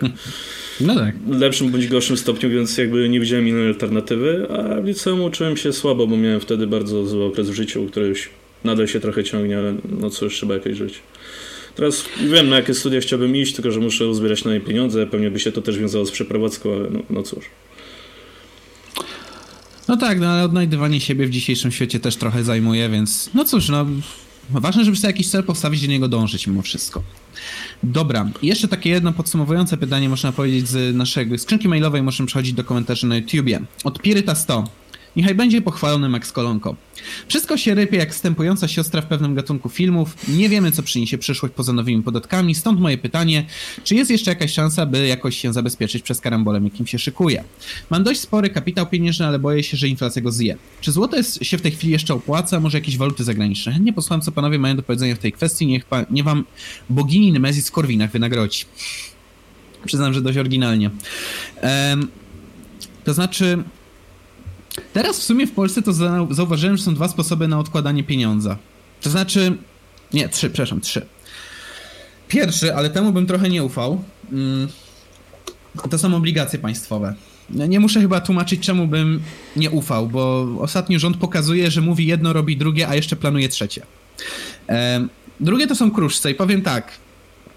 Jak się wejdzie troszeczkę głębiej w ten rynek, to można powiedzieć okay, to jest takie trochę niepewne, to może chybotliwać się w krótkim czasie, ale w długim jednak utrzyma wartość. W związku z tym, jeśli chodzi o przechowanie wartości, naprawdę kruszce nie są złym pomysłem. A jest jeszcze trzeci. I to wynika z patologii naszego systemu bankowego. Uważaj. Kupowanie mieszkań. Nie po to, żeby w nich żyć, tylko żeby przechowało wartość. W sensie lokaty w tej chwili w kraju są tak nisko oprocentowane i zjada jeszcze podatek belki, że autentycznie pojawił się trend polegający na tym, że ludzie kupują sobie mieszkanie, żeby tylko przechowywać jakąś tam wartość w nim. Bo mieszkania po prostu stoją teraz relatywnie. I ewentualnie, ewentualnie przewiduje się, że będą na lekkim wzroście. Jest to na pewno lepsze niż trzymanie pieniędzy na lokacie, na której wręcz możemy zacząć tracić z czasem. Tak więc ja bym chyba te trzy pomysły podsunął. Nie wiem, czy ci jeszcze coś przychodzi do głowy, Dawid. Yy, to znaczy, to nie jest jakiś pomysł, który super polecam, bo ja się w niego jakoś mhm. super nie wgłębiałem, bo też mi trochę brakuje jakby wiedzy ekonomicznej, inwestycyjnej, żeby się też w niego dobrze wgłębić. E, ostatnio mm, Michał Szafrański opisał na swoim blogu inwestowanie w tak zwane ETF i to jest jakby inwestycja, gdzie jest wysoki koszt wejścia i to jest inwestycja po prostu długotrwała, czyli jakby mhm. przechowanie wartości już na, na, na, na lata czy dekady nawet. I ostatnio też robię odcinek podcastu z gościem, już nie pamiętam jak on się nazywa, ale dotyczy to platformy Finax, to jest słowacki produkt, e, to jest tak zwany robodoradca, e, który mhm. też pozwala inwestować na pewnych, nie wiem czy dobrze to określam, ale jakby takich zbiorach akcji czy spółek Mówię, mhm. ja się w to nie wgłębiam. Na portfelach. Więc, mhm. Tak, tak, w pewnym sensie portfelach, choć mówię, ja mogę się tutaj mocno przekręcić i że ustawia się po prostu w algorytmie, jak chce się, żeby mniej więcej to działało i algorytm już sam robi sprzedaż i kupno na tej zasadzie, żeby zautomatyzować działanie tego portfela. Polecam Ci bardzo odsłuchać sobie odcinek tego podcastu, bo oni tam wykładają wiedzę, której ja nie byłem w stanie zrozumieć. Dla mnie to już było zbyt wysoko. Ale... Więc zgaduję, że Ty to byś szybciej zrozumiał mhm. niż ja. Na czym to polega Ale mi dokładnie? To, mi to bardzo coś przypomina, wiesz? Pamiętasz, jak opowiadałem na prezentacji o y, tej, o właśnie prawie własności intelektualnej, o słynnym e, Flash Crashu mhm. z 2010? No, wtedy wywołały go dosłownie automatycznie inwestujące algorytmy, które się samo skorygowały. To, to, to brzmi trochę podobnie do tego w sumie. Znaczy, nie wiem na jakim poziomie to jest taki sam poziom automatyzacji, bo ja się w to nie mhm. bo puściłem sobie ten podcast, tak słuchałem i w pewnym momencie się po prostu zgubiłem. Przestałem rozumieć, o czym o nim rozmawiał do końca. Więc mhm. mówię, ja mam za mały level wiedzy ekonomicznej, inwestycyjnej, żeby skumać, o czym oni dokładnie tam mówią. E, myślę, że jakbyś ty sobie to odsłuchał, to byś był w stanie mhm. dużo łatwiej wszystkim tutaj to wytłumaczyć, na czym to polega. E, ale generalnie bardzo polecam Michała Szafrańskiego, bo on też zaczął zauważyć, że jest pandemia, zaraz przyjdzie kryzys, już się zaczyna kryzys. Więc też na swoim blogu raz na jakiś czas właśnie pisze o różnych możliwościach inwestowania, e, które mhm. z jednej strony on sam poleca, a z drugiej strony też dosyć dobrze opisuje, więc jak ktoś ma już jakieś podstawy odnośnie inwestowania, myślę, że bardzo będzie to dla niego pomocne. Odnośnie samego Finexa, on już wcześniej zaczął się interesować tym produktem, bo mhm. ktoś go podsunął, e, ale powiedział, że nie poleci go, sam siebie, nawet nie za hajs, tylko tak samodzielnie, dopóki nie dojdzie do sytuacji, gdzie w Finaxie będzie można inwestować niskim kosztem. W ogóle wynegocjował, że osoby, które e, opłacają niego jakby jego abonament, który się nazywa klanem finansowym Ninja, mhm. mają chyba możliwość wejścia tam od 100 zł. W ogóle bardzo nisko. Jak chcesz wejść tak. tak samodzielnie, to masz troszeczkę wyższe koszty, więc jak ktoś dysponuje mniejszymi kosztami, typu kilkaset mhm. złotych, to ten Finex brzmi spoko, tylko mówię, trzeba by dokładnie zgłębić, jak to działa, nie? Tak brzmi to trochę jak ten. E, jak na YouTubie masz filmy i ktoś tam reklamuje, nie wiem, VPN-a, to jest taki, taki ambitniejszy VPN, że, że skorzystajcie z mojego kodu i teraz będzie niżej. Ale nie, ale on sam powiedział, że on hmm? z tego jakby nie dostaje pieniędzy tego gościa, który w Polsce się zajmuje promocją, w ogóle zarządzaniem tym Finaxem, bo to jest produkt słowacki, jak wspomniałem. Mhm. Sam siebie go zaprosił, bo on sam powiedział, chętnie was wypromuję z Afriko, tylko usprawnicie ten produkt na tyle, żeby można było tam bardzo nisko kosztowo inwestować, bo z drugiej strony mamy ETF-y, gdzie właśnie jest wysoki koszt wejścia, nie? Mm, a chciał też zaproponować coś dla ludzi, którzy nie mają odłożonych dużych pieniędzy, bo nie mają jak, a chcieliby mieć możliwość inwestowania, odkładania czegoś jakby na emeryturę też, nie? Żeby, żeby to nie było tylko dla bogaczy, rozumiem. Tak, tak. Dobra. Dobra, to ten temat myślę można zamknąć. Ja sobie pewno spojrzę, nie wiem, tam wieczorkiem albo coś na ten podcast. A póki co, wracamy chyba do komentarzy na YouTubie i mam nadzieję dzisiaj już nadgonimy. Takie krótkie sprostowanie tu widzę od Spiryta 3141 w sprawie grzechu 40, to chyba chodzi o jego serię Pytajcie, a będzie wam dane. To znaczy, ja mówię, ja zerknąłem na kanał i widzę, o, let's playe. Ale tak, aha, znaczy nie wiedziałem, że taka seria w ogóle tam jest, ale w takim razie muszę się chyba zainteresować, zerknąć po prostu na czym ona polega. Pierwszy znaczy jest, słyszę zwyczajnie o tym. Znaczy jest dużo kanałów komentarii, które boją się pokazać twarz, czasami swój głos, czasami. Po prostu leci mhm. sobie let's play z Defrana w CSGO albo czegoś innego i oni sobie mówią, nie? Mhm. Więc y, to mogą być niekoniecznie let's playe. Okej, okay, okej, okay, rozumiem. Znaczy, znaczy nie mówię, że na pewno, bo też nie znam się, tego ale... kanału, ale tylko upominam, że, że zdarzyło mi się widzieć właśnie takie kanały komentarzy, gdzie sobie leci gra, a gość coś komentuje, nie? To tak okay, zupełnie inny temat. Ta Dobra, gra jest takim totalnym tłem. Mhm. Dobra, będę musiał się tam po prostu w takim razie przyjrzeć. Um, no i dobra, e, co tam mamy następne? Hmm. Mm, komentarz mam od Tersana, który się odnosił A. do odcinka 17, dokładnie to, to, to godziny 28-40 sekund. E, I brzmi tak, e, tak. Lekarze też przypisują antybiotyki na infekcję wirusowe. Nie, chyba już to było. Coś o tym wspominaliśmy chyba, nie? Jesteś pewny? No dobra, jeśli wspominaliśmy, to możemy przejść dalej. Czy mi się wydaje, że wspominaliśmy coś o tym, że tak, bierze się antybiotyki na chorobę, ale one niekoniecznie mhm. muszą działać odnośnie wirusów i to nie oznacza... A, no, mi się coś mi tak świta. Dobra, to następny będzie... Widzę, że y, polimizator jest wobec nas bardzo sugestywny. Złożył nam już wniosek formalny o zaproponowanie crossovera z prowadzącym kanał obiektywizm.pl bo gdy zostaliśmy im przedstawieni, odpowiedzieli odnośnie do pytania o rozmowę, przyznaję się bez bicia, że nie znam kanału ani jego prowadzących. Ach, te fejmy YouTube'owe. E, jeśli pojawiłaby się jakaś propozycja dyskusji, współpracy czy innej kolaboracji, na pewno rozważymy e, każdą taką propozycję. E, pff, taka debata libertarian i obiektywistów to jest w sumie dobry pomysł, może na któryś podcast w przyszłości. Ja wcale bym tak tego nie zostawił. Jeśli tam są ludzie otwarci, to czemu nie? Tylko trzeba by może jeszcze wymyślić jakąś taką oś debaty, bo wiadomo, obiektywiści na przykład rynkowo to się mogą z nami mocno zgodzić, ale już kwestia na przykład organizacji państwa czy stosunków międzyludzkich może się trochę różnić. Zresztą ja byłem uczestnikiem debaty jednego profesora z UMK z profesorem czy doktorem Jaronem Brukiem. Mm. Przysięgam, to była jedna z najbardziej autystycznych debat, w jakich uczestniczyłem, bo dosłownie ostatnie pół godziny to było rozbicie o to, czy można się masturbować. No, no tak, rzeczywiście było. Czy, czy wakatem można się masturbować? Yy, proszę pana, no proszę się masturbować, tylko tego nie pokazywać dzieciom, no ale dzieci mają przecież prawa, prawda?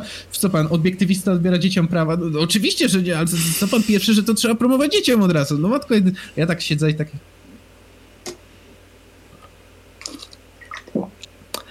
Fajnie. Świetne środowisko. A każdemu. Jak nie psy, to debaty... masturbacja. Właśnie, chciałem to powiedzieć, że debaty zawsze ewoluują w dwóch kierunkach. O, raju. E, dobra, mamy tutaj jeszcze kolejny um, komentarz od polinizatora i brzmi tak. Mhm. Tak jeszcze kwestii hejtu e, w związku z sami wiecie czym. Anonimowość ma też swoje zalety, dzięki temu jeśli ktoś chce o tym podyskutować, może to zrobić bez konsekwencji, e, od ostracyzmu po egzekucję z użyciem gilotyny lub płonącego stosu. No tak, to prawda. E, na przykład w mm. mojej grupie na studiach poglądy są dość jednoznaczne, a moje zdanie nie streszcza się w tak lub nie. Jednak wiem, że gdybym je wypowiedział, zapewne wyrzuciliby mnie ze wszystkich grup na Facebooku, o wypadach na piwo nie wspominając. Wielu znajomych zdaje się automatycznie zakładać, że podzielą ich zdanie i mówią o każdym, kto go nie podziela jako złych lub głupich. E, o rodzinie nie wspomnę, bo jak ma być lockdown, to wolę go przeżyć w pokoju. E, a z ludźmi w internecie można pogadać bez konsekwencji dla życia towarzyskiego i rodzinnego. Może więc tu jest szansa, byśmy wreszcie zaczęli ze sobą rozmawiać. Pozwól, że jedną rzecz tu wtrącę. Ja no. Przy tych protestach w ogóle zauważyłem jedną rzecz. Dawaj. I to jest rzecz, którą można zauważyć z perspektywy bardzo długiego czasu. Kierunek, o którym mówili ludzie, którym powinien iść internet, totalnie kurwa nie działa. To padło po całości, no. bo były głosy. Internet nie może być anonimowy. Ludzie będą ponosili konsekwencje za swoje, za swoje słowa w końcu. I do czego mhm. doprowadziliśmy? Doprowadziliśmy do tego, że wszyscy siedzą na pierdolonych grupkach na Facebooku, zamykają się tam totalnie na przykład ostatnio jakaś kobieta z lewicy opublikowała obrazek z cytatem bodajże chyba Misesa, Misesa tak. który brzmiał, że socjalizm dla państwa czy dla społeczeństwa jest jak cyjanek potasu dla wody, czy, czy jest alternatywą -hmm. podą, coś tak, takiego. Tak, nie? alternatywą, tak, tak. I ona tak. napisała mowa nienawiści. O Boże, co mam robić? I tutaj chcę przytoczyć jeszcze jedną rzecz, zanim skończę. E, wspominałem jakieś 10 odcinków temu albo więcej e, o książce Snowdena, którą czytałem. I on tam miał jeden super wątek, gdzie opisuje, jak wyglądały początki internetu, który, który miał okazję poznać. Mhm. I on mówił tak. To były czasy, gdy w internecie był anonimowy dosłownie każdy, chyba że ktoś nie chciał. Ale tak to był dosłownie każdy. Ludzie wrzucali zdjęcia swoich penisów z pytaniem, czy i taka krosa to jest coś niebezpiecznego. Ludzie em, pisali o tym, jak konfigurować serwery na Linuxa, pisali o wszystkim, ale była jedna ważna rzecz. Snowden wspominał o tym, że ta anonimowość pozwala de facto się rozwijać. Bo jeśli Mhm. zdarzy się, że pod nickiem XYZ napisałeś totalny dzbaństwo, zjechali cię wszyscy, to miałeś prosty feedback. Napisałeś coś, Mhm. czego nie powinieneś. Czym się mylisz, czym się masz racji. I albo będziesz gnał za zaparte, albo to zrozumiesz, wyciągniesz z tego wnioski, wejdziesz do internetu już pod innym nickiem, bo były takie możliwości, że niki to zmieniałeś tak. Mhm. I mogłeś już napisać coś innego i się dowiedzieć, czy w czymś innym też nie masz na przykład racji, na przykład, albo podyskutować z ludźmi. I ta możliwość bycia anonimowym sprawiała, że mogłeś dużo łatwiej ukształtować swój światopogląd, bo ludziom było dużo ciężej zamknąć się w bańkach, bo nie było takich social mediów, jakie są dzisiaj. To były fora, gdzie pisali dosłownie wszyscy. To, to jest jak, jak obecny Forchan. Może wyjść tam dosłownie każdy, dosłownie każdy może napisać. Dopóki, w najgorszym wypadku ktoś się tak zwanie saguje, czyli na ciebie nie odpowie w ogóle. I sobie utoniesz w algorytmie. Bo jak jest post niepodbijany, to on zaczyna jakby spadać poniżej tych, które są na bieżąco podbijane. To jest bardzo prosty system. E, ale to jest miejsce, w którym są dosłownie wszyscy i nikt nikogo tam tak naprawdę nie zna. Mhm. A na Facebooku za chwilę jest wywalcie go z pracy, powiedział to. Ten człowiek jest zły. I prawda jest taka, że wytkną ci to za 5 lat, za 10 lat, do końca twojego życia będzie przy tobie ta łatka wisiała, jakiegoś błędu, który popełniłeś i powiedzmy, że na jego podstawie się już czegoś nauczyłeś. Ale ta łatka istnieje i zostanie z tobą do końca życia. No i tyle. Nie Nie, zmienisz tego. już tego niku. Byś musiał i zmienić sobie imię, nazwisko prawnie, nie wiem, wjechać do innego kraju, gdzie byś był w tamtej bańce, której nikt się nie zna. Więc e, Mówisz o programie ochrony świad- świadków, bo tak to działa. e, no powiedzmy, że tak, ale choć nie miałem tego bezpośrednio na myśli, nie? No tak, tak, tak, ale Eee, mówisz, że ten mechanizm. Tak, i, i tutaj możemy trochę zauważyć, że ludzie, którzy mówili, że musimy zdeanonimozować, pozbawić internet anonimowości, to nie działa. Powoduje, że społeczeństwo jest coraz gorsze. I będzie coraz gorsze. Treści są coraz prostsze. Tak? Tak, Lewica powie, że właśnie. prawica jest zła, bo to, to, to i to. Prawica co? No będzie musiała zrobić to samo. I za chwilę będzie, że nie, nie można na żaden temat pogadać głębiej, czy jakiś poważniej, bo nikt nie będzie znał argumentów, a stwierdzi, nie, no przecież ten TikToker powiedział tak, to jest tak. tak a o czym ty mówisz? Ja tego nie rozumiem. Mhm. Właśnie to jeszcze każdy będzie bał się w ogóle zaryzykować, żeby powiedzieć coś kontrowersyjnego, czy trochę burzącego tą taką narrację, którą się przyjęło w społeczeństwie. Ponadto, cholera, często się mówi o dziedzinach naukowych różnego rodzaju, że tak naprawdę dziedziny naukowe, żeby były tak doskonale naukowe, nie powinny mieć twarzy ludzkich. Powinny być to tylko suche teorie i fakty. Trochę utopijne, ale właśnie w tą ideę trochę szedł właśnie wczesny internet, jak mówisz. Anonimowość, liczą się fakty, debata, to co się dzieje jakby w słowach, a nie poprzez niki. No Tak, i i, i to jakby dyskusja, która była prowadzona, była ekstremalnie szeroka. Tam nie było podziału na jakieś Mhm. grupy, bo technologia na to nie pozwalała. Nieliczni mieli Mhm. internet. Większość osób na początku internetu w Ameryce to byli głównie naukowcy.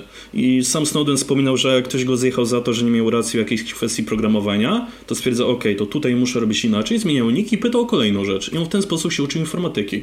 Mówi, że z niektórymi ludźmi, którzy używali tych samych nicków i ich nie zmieniali, nawet się zakolegował na tyle, że mu wysłali części jakieś niepotrzebne do komputera No. i on w ten sposób robił upgrade'y.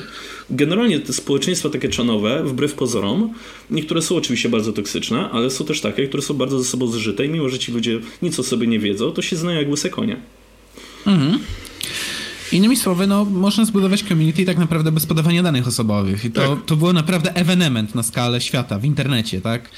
No ale niestety, niestety, jeśli chcemy ludzi prześladować albo nadzorować, to trzeba znać ich dane osobowe. Albo po prostu im pozwolić udostępnić dane osobowe, no przecież to jest tylko dobrowolne, tak? Um, Okej. Tutaj jeszcze jest taki fajny komentarz od Piotra Niedzieli, który moim zdaniem świetnie, ale to świetnie podkreśla, jak działa system finansowy w Polsce, e, czy system podatkowy w Polsce. Jeśli miałby istnieć jeden prosty do uiszczenia podatek 75%, a za to zniesiono by wszystkie waty, akcesy ZUS-u, opłaty, składki i tak dalej, to ja bym nawet na to poszedł. Cholera, jak to potwierdza, to niedawno badanie krajów OECD pod kątem systemów podatkowych. Bo Polska wcale nie ma najwyższego, No nie ma. ale jest jednym z najgorszych, bo jest najbardziej skomplikowany. Tak. Znaczy... W sensie, dosłownie ludzie woleliby płacić więcej niż płacić w ten sposób, jak płacą teraz. Znaczy, ja bym się nie dziwił, jak w przypadku większych firm wygląda to tak, że duże koszty idą na obsługę w ogóle opłacanie tych podatków u księgowych, jakichś firm typu Kancelaria Mencena i tak dalej. Mhm. Niż na same podatki, nie?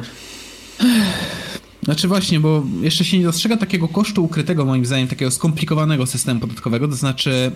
Um część pieniędzy nam umyka, bo skoro przepisów jest tak dużo, to i instytucje, które mają ściągać te podatki, mogą się w tym porąbać. Dlatego potem są tacy wredni złodzieje jak Mencen, którzy o, uczciwie podatków płacić nie chcą, tylko uczą oszukiwać ludzi. A ja mówię, no, no, i bardzo dobrze, jak mamy skomplikowany system, to się nie dziwię, że się ich uczy unikania podatków, które są no, albo bez sensu, albo, albo są przestarzałe, albo kłócą się z innymi zapisami. No bo niestety, Mencen chyba nawet kiedyś powiedział w jakiejś rozmowie z kimś, że on jako doradca finansowy, doradca podatkowy nie powinien os, y, walczyć o prostsze czy niższe podatki, bo wtedy traci robotę tak. de facto.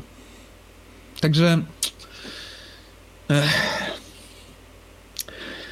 Dobra, kolejne pytanie od Czeka Jeckiego. Czarku, pytanie do ciebie jako ekonomisty i libertariansis.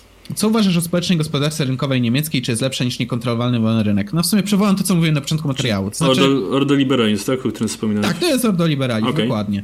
E, ja przywołam to samo. To znaczy, to jest kapitalizm zaadaptowany do warunków niemieckich i w Niemczech działał super i mówię, może znalazłyby się jeszcze ze trzy kraje, gdzie zadziałałby super.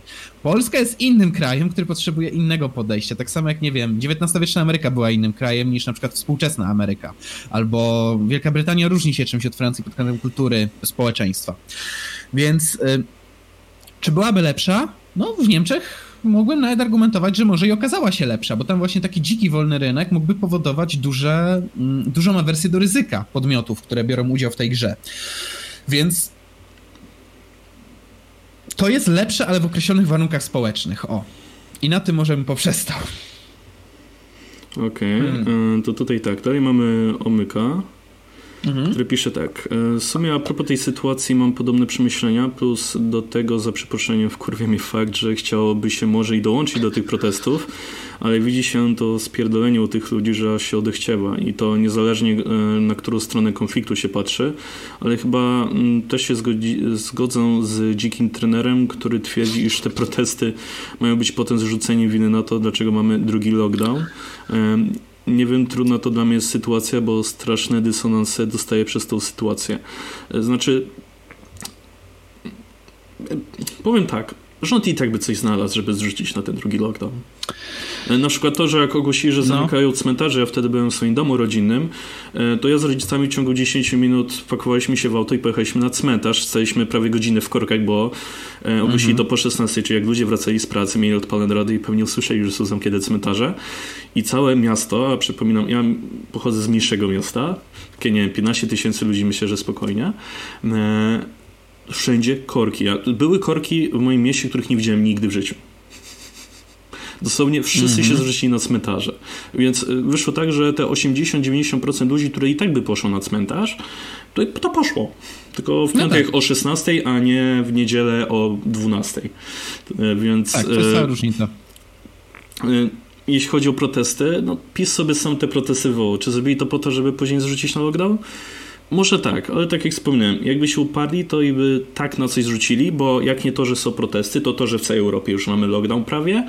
E, powód tak czy siak by znaleźli. W ogóle wczoraj, że wczoraj słuchałem też podcastu Tomka Wróblewskiego z Wolności w Remoncie, który też podawał dane jakby naukowe na temat tego, że lockdown do końca nie działa i wprowadzanie go jest trochę takie mhm. zaczynające już zupełnie dla gospodarki, nie tylko polskiej i że, że nieudowodnione jakby skuteczności lockdownu, że da się jeszcze zrozumieć ten lockdown z podejrzewam z marca, ten pierwszy, bo nic wtedy nie wiedzieliśmy, więc takie działanie bardzo prewencyjne jeszcze mogło być zrozumiałe w jakiś sposób, ale te drugie jest totalnym bezsensem, bo przypomnę, że w lato tym ludzie byli wszędzie. Ja, za, ja zacząłem pracę w jednym miejscu na Starówce 1 czerwca. Starówka była wypchana po brzegi. Więc mm. jeśli już ludzie mieli bardziej chorować, to i tak będą chorować. Dodatkowo też E, też bym nie bagatelizował samej pandemii oczywiście, bo e, wczoraj rozmawiając z rodzicami dowiedziałem się, e, nie wiem czy moja ciocia tam pracuje, czy dowiedziałem się od jakiejś znajomego znajomej, która pracuje, ale w moim mieście rodzinnym już jest zbudowany szpital polowy dla covidowców. Ludzie, którzy tam trafiają, nie są w stanie wstać z łóżka do wózka. Oni nie są w stanie rozmawiać. Oni łapią powietrze jak rybki. Tam są mhm. ludzie, którzy nie wiadomo, czy przeżyją. W tych szpitalach polowych naprawdę jest hardkorowa sytuacja. Więc czy jest to jakieś poważne zagrożenie? Tak, ale czy będzie lockdown, czy nie, ci ludzie i tak będą chorować. Mhm.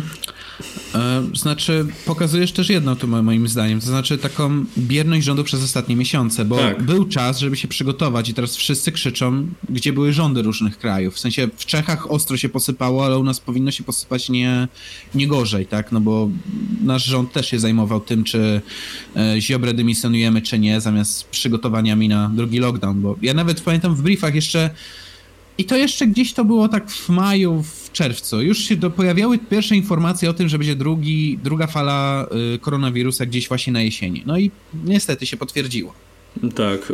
A propos jeszcze tych szpitali polowych, y, mhm. rodzice mi jeszcze wspominali, że właśnie ciocia y, wspominała im, a że pacjentom też są wykonywane zdjęcia rentgenowskie płuc, żeby zobaczyć jak to wygląda. U większości tych płuc nawet nie widać.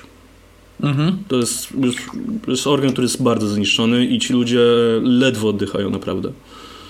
No tak, no walczą o każdy oddech, można tak. powiedzieć. To takie pytanie, które powinno wywołać dyskusję z nami jako akapami, czyli banany. Płód, łapie, płód łamie nab wobec matki, więc raczej logiczne, że według akapków aborcja powinna być dozwolona. Zgodzisz się z tym stwierdzeniem? Powtórzę po raz kolejny jeszcze tą samą rzecz.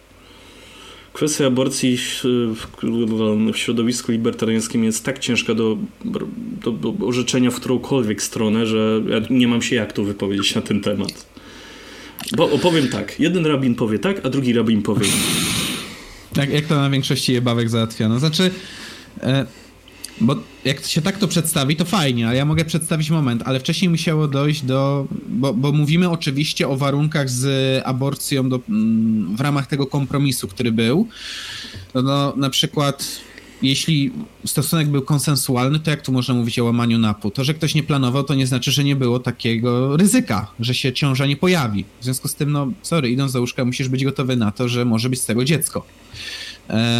Właśnie dlatego już chcę pokazać po prostu, że można na inny sposób do tego podejść i właśnie dlaczego ta debata w świecie libertariańskim no jest tak gorąca, bo często to, jaki argument ukształtujemy, zależy od tego, z jakiego punktu wyjdziemy. Czy skupimy się na przykład na kwestii dobrowolności stosunku, e, czy na odpowiedzialności człowieka i rozumieniu tego, jak działa jego ciało, bo niektórzy od tego wychodzą. No, prawda jest taka, że to nie jest takie proste, jak jest przedstawione w tym komentarzu i to wcale nie jest tak łatwo logicznie wydedukować sobie. Uff. Hmm. hmm. Tutaj mamy pytanie od Filipa Wilhelma. Czy Szwajcaria osiągnęła Aha. stan politycznej e, nirwany pomiędzy wolnym rynkiem a kontrolą państwową? Wiesz, że bym się chyba przychylił do tej opinii? W sensie, żyjemy obecnie w świecie, w którym e, no, zgodzimy się na przykład co do tego, że nie da się na ludzi narzucić takiej absolutnej odpowiedzialności za wszystko. Że no już jesteśmy przyzwyczajeni chociażby mentalnie do tego, że nie wiem, państwo załatwia pewne rzeczy za nas. Ale Szwajcaria autentycznie w pewnym sensie jakby zrobiła w tym Matrixie tyle, ile mogła. To znaczy, przykładowo ubezpieczenia zdrowotne moim zdaniem są w Szwajcarii super rozwiązane i żałuję, że nie są tak u nas. Znaczy, zostawia się to prywatnym podmiotom, które silnie konkurują między sobą, ale państwo wymusza na tobie, żebyś wziął któreś z tych ubezpieczeń. Że musisz mieć choć jedno i musisz wybrać, nie? W tym sensie, no, jak dla mnie przynajmniej, to jest naprawdę jeden z tych krajów, które warto nadzoro, y, wzor, na których warto się wzorować, prowadząc takie polityki, w których zderza się państwo z wolnym rynkiem, bo ja bym też zauważył, że Szwajcaria relatywnie często oddaje raczej wolnemu rynkowi kontrolę, tylko tak jakby bierze pod uwagę, że ludzie mogą być trochę leniwy, nieodpowiedzialni i tak dalej i to, to troszeczkę tak podkręca ich pod tym względem. Także jak na obecne warunki, to chyba, chyba osiągnęli ten stan nierwany, tej równowagi idealnej. Tak, e, tutaj w ogóle mamy serię pytań od niego, więc lecimy dalej. Aha. E, pytanie teoretyczne. Nagle magicznie w Polsce są wybory. A kapiesi, którzy wprowadzają AK pod jutra, jelo jebać wszystko, rób to co chce ta. E, piekła nie ma. Albo socjaldemokraci, którzy powoli zaczynają wprowadzać socjalizm, stopniowo przyzwyczajając do tego społeczeństwa, kogo popieracie. E, Pytanie mi naszło po ponownych oglądnięciu wywiadu z zakapkiem na kanale Szymon. Ciekawe o kim on mówi, nie? Tak. znaczy, kogo bym poparł tutaj? Eee... Cholera, powiem tak, intuicje moralne by mnie od razu skierowały ku Kapkowi, taka prawda. W sensie, to jest naturalny odruch ciała, mam wrażenie. Znaczy, z jednej strony by mnie też do tego kierowało, Mhm. E, z drugiej strony Jurek Owsiak też używa hasła rób to, co chce, ta. Wiemy, jak wyglądają Woodstocki czasami. Oj, e, tak. I wolałbym, żeby Woodstock e, się nie rozrósł do terenu całej Polski. Więc no, wybór jest ciężki. W sensie, właśnie to chciałem powiedzieć. Znaczy, bo, bo to jest naturalne, że ocena moralna zazwyczaj ma jakby potwierdzać to, co już wierzymy w pierwszej kolejności. Tylko cholera, potem słyszysz, że okej, okay, rób to co chce ta, nie ma, piekła nie ma, e, żadnych przepisów, żadnych, mówię takie, cholera, to wy chcecie wprowadzać AKAP, czy wy chcecie pozwolić, otworzyć furtkę anarchokomunistom, którzy wykorzystają okres chaosu, e, bo nie było tego okresu przejściowego i zrobią sobie swoje rendezvous, tak? Także... Tak, jak, tak już wracając do rozmowy z Szymonem Samów, jeśli dobrze pamiętam, wspominałem w tej rozmowie, że taki AKAP, który chciałbym, żeby ewentualnie był wprowadzany, jeśli już ma być, to musi być to idea, która będzie wprowadzana ekstremalnie, powoli, bardzo stopniowo, mhm. bo w innym wypadku no to, to nie dojdziemy do punktu, do którego chcemy tak naprawdę. Tak, w sensie Szymon, Szymon też tam popełnił taki duży błąd w tej rozmowie, zakładając, że pewne rzeczy będą tak, a nie inaczej wyglądać, tak. podczas gdy ja nie znam żadnego systemu w historii świata, który wprowadzony byłby tak, bez żadnej ewolucji. W sensie... Znaczy, ja się obawiam, że Szymon jakby zakładał z góry, że AKP jest utopią i jakby cały czas się wokół tego obracał. Gdzie mhm. ja nie zakładam tego. Oczywiście ten system będzie miał swoje patologie, jak każdy inny. E, mhm. tylko ja uważam, że te patologie będą lepsze niż inne patologie. To znaczy przede wszystkim w AKP ciężko określić, jakie patologie mogą wypłynąć, więc zacznijmy od tego bo nawet opieranie się na przypadkach historycznych tutaj jest dosyć ciężkie, bo co innego działo się na przykład w Pensylwanii, Pensylwanii gdy powstawała, a co innego będzie się działo w 2020 roku, gdy świat wygląda jak wygląda. No i co innego będzie się, się działo w 2077, kiedy wreszcie wyjdzie cyberpunk. Także bądźmy ostrożni. Bądźmy łagodni. No ale tak, no mówię, ja bym naprawdę zachęcał ludzi do niesugerowania się tą rozmową, bo moim zdaniem była przeprowadzona jako taka rozmowa z tezą. I to jest jej problem, bo można byłoby z tego coś bardzo ciekawego wyciągnąć. Tymczasem ja zauważyłem w ogóle, że jak się rozmawia ze skrajnościami spektrum politycznego, to bardzo często wyciąga się taki argument w stylu na pewno będzie tak, jakby pomija się to, że do danego systemu trzeba jeszcze doprowadzić. Ale to już byłaby debata na troszeczkę inny temat. E to jest jedno ciekawe od Filipa, to, to pozwól, że ja jedno przejmę i przeczytam. Czy naruszenie NAP-u w sposób nieświadomy to nie naruszenie NAP-u? Nie powinno być karane. Czy można naruszyć NAP nieświadomego człowieka? E, tak, można. Tak można naruszyć NAP nieświadomego człowieka, tak e, nieświadomie łamiąc NAP też możesz go złamać. W sensie, przepraszam, a jak lunatykując e, pewien sportowiec zestrzelił swoją kobietę, to go nie sądzono? W sensie, złamał obiektywnie NAP tak? Jakby to powiedzieli akapki.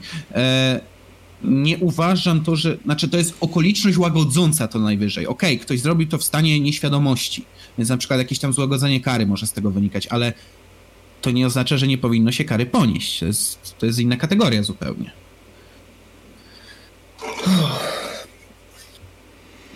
Tak. E, I tak, tutaj mamy dalej. E, czekaj. O dobra, to przeczytałeś to pytanie poniżej, o Boże. Mhm. E, czy piosenki towarzysze Michała są idealną kpiną z Konfederacji? Takie piosenki typu Kryjówka po Saberkowicza lub to o Boże. Czy tylko dla mnie jest to śmieszne? Ja na tego nie słucham, więc wolę się nie wypowiadać. Ja to o Boże słyszałem akurat i Matko Boska jednocześnie jechać po kimś od chyba świń, jak dobrze pamiętam, czy tam knurów z Konfederacji, bo tak był tam nazwany Dziambor. A, czyli hehe, jesteś gruby, tak? Tak. E, I negowanie homodromu, czyli tego masowego zagładzania e, Ukraińców w ZSRR. Wow. W sensie ja nie umiem tego traktować w żarcie, bo on dosłownie żartuje sobie z ludobójstwa i drugiego człowieka. No, no sorry, ale ciężko mi to po prostu przyjąć. Można zrobić ciekawą satyrę, nie mówię, ale moim zdaniem ta wykonywana przez towarzysza jest po prostu zbyt wulgarna. No, no niesmaczne jest dla mnie i tyle. Czyli mówisz, że gdyby towarzysz Michał żył w Polsce, to podobno jak Keltus byłby skazany za bycie nieśmiesznym? Bardzo, bardzo możliwe. Chociaż zależy też może na jakiego sędziego potrafił, ale jest taka możliwość, ja to dostrzegam. Myślę, że jakbym był sędzią, ktoś by wypalił, że nie było głodu na Ukrainie, to bym tak... Dud, jakby wiesz... Uspokój się, tak? Wiemy, tak. że długo żyłeś w Francji, ale spokojnie. E... Tak, i tutaj jest kolejny... Zresztą pamiętajmy, tak? jeszcze jedną wtrącę, pamiętajmy, że Michał spieprzył z kraju, bo był tu ścigany, tak? Także... O, podobnie jak taki inny pan z takiego pewnego ośrodka, który też żyje w Norwegii. O, znaczy nie we Francji, go w nie. I Co? popatrz, on już, on już dla tego towarzysza to knurem nie jest. No popatrz pan, no. no Taki dziwny przypadek, rzeczy, nie? No. Tak. E, tutaj jest kolejne pytanie dla ciebie. E, skoro człowiek, czy skoro Czarek, przepraszam, jest agnostykiem, to pytanie do niego, czy Bóg jest dobry? Ja wiem, ja wiem po co zostało zadane to pytanie i teraz to zrobię. Uwaga. Nie wiem. Chciałem powiedzieć to samo. Chciałem powiedzieć, że chcę zacytować wielkiego Polaka, papieża. Patriotę, tak. Jana Pawła II. Nie wiem. Nie wiem. Dobra. Mm, I tak, co Boże, sądzimy o jebawkach? To znaczy, tak, to nie jest, jest pytanie do mnie, bo nawet nie wiem o co chodzi z jebawkami premium. Mówiąc, no znaczy, musi być coś nowego. Znaczy, nie, inaczej. Wytłumaczę ci to. E, no. Kiedyś był taki bait, który latał po wszystkich jebawkach, że jest jebawka plus, trzeba zapłacić i się logujesz jakby w taki trochę oddzielny sposób i że tam jest taka okay. elita. I to był totalny bait, nie? Ludzie się na to mhm. łapali, mhm. komentarze po tysiąc razy, się robiło dla beki. Ale w pewnym momencie ktoś wymyślił coś ala jebawka premium, tylko że to w ogóle nie, nie chwyciło, bo to już nie były te czasy. Mhm. E, bo okazuje się, że na Facebooku jest coś, co się nazywa trybem deweloperskim bodajże. I wtedy mhm. może się zalogować do wersji deweloperskiej Facebooka, która wygląda zupełnie jak ta normalna, tylko że jest zupełnie oddzielna. Aha. Więc no. Facebook ci wtedy tworzy oddzielny profil, gdzie masz przypisane imię, nazwisko z marszu, jakieś tam zagraniczne, polskie, co ci wylosuje i możesz sobie tam mhm. tworzyć grupki. I możesz nawet okay. tą grupkę na normalnym fejsie, tylko nie będziesz miał możliwości w żaden sposób do niej wejść, nie będzie tego guzika dołącz. Ale hmm. jak się zalogujesz do tej wersji deweloperskiej, to tam już możesz. I okazało się, że rzeczywiście da się stworzyć coś ale obejście Facebooka i stworzenie sobie tam takiego intranetu. Tylko mówię, pomysł jakby powstał w momencie, kiedy te jebawki się rozproszyły na pierdyle grupek i tak pomysł tak za bardzo nie chwycił, bo nikomu się nie chciało bawić przelogowywanie się do jakby nie patrzeć drugiego portalu. Ale taka ciekawostka. Nieudana próba, rozumiem. Okej, okay. znaczy, no też bym to traktował bardziej w formie eksperymentu niż, nie wiem, legitnej akcji. Tak. E, Segiusi Segiusis jeszcze nam tu zadał pytanie. Czy w dzisiejszej Polsce ciężko być wierzącym? Moim zdaniem tak, jest to spowodowane bardzo mocnym polaryzowaniem społeczeństwa, gdzie wierzenie bądź niewierzenie w Boga stawia nas w wielu konkretnym dobrym lub złym świetle, zwłaszcza gdy chce się być dalekim od skrajności. E, Powiem ja tak. Właśnie... No. Moim zdaniem może być trochę ciężko być wierzący, bo mamy takie dwa przykłady, które moim zdaniem są w miarę dobre, czyli Szymon Pękała, mhm. którego znamy, jak i też Tomasz Samyłek. I widać, że to no. są osoby, które potrafią w odpowiedni sposób się trochę zdystansować od tego, co się dzieje w kościele. Mhm. Nie, że proboszcz powiedział tak na kazaniu, to tak ma być. Nie? Szymon, ma, Szymon potrafi wejść w dzieła teologiczne i od tej strony coś wytłumaczyć, powiedzieć, że nie, tu narodowcy pierdolicie głupoty za przeproszeniem i to nie jest tak, jak mówicie, to nie jest tak, jak ksiądz mówi na kazaniu w waszym kościele. No, mhm. Tomasz Samołek też ma bardzo dużą wiedzę związaną z czytaniem encykliki. Oni potrafią jakby spojrzeć na temat wiary od takiej, że się wyrażę, strony cudzysłowie intelektualnej, czyli od strony typowo mhm. wiedzy, której nikt ci w kościele nie wyłoży, no bo tam się wykłada proste rzeczy, no. Wierzysz i się modlisz, no. To, tak. to ma być community przede wszystkim, ale ja bym właśnie jeszcze chyba przeatakował z, jednego z innej perspektywy. Czy ludziom głęboko wierzącym ciężko jest wierzyć w Polsce? Bo przy dałeś przykłady osób głębiej wierzących. Ja też parę właśnie na mojej drodze spotkałem i powiem tak, to są często osoby mocno skonfliktowane, w sensie nie z Bogiem, tylko ze społeczeństwem, które no przez to, że debata publiczna wygląda tak, jak wygląda, w ogóle nie próbuje się zainteresować ich perspektywą, nie próbuje zrozumieć, dlaczego wierzą tak, jak wierzą, dlaczego stawiają sobie tak na przykład twarde zasady moralne. Na przykład spotkałem się niedawno z...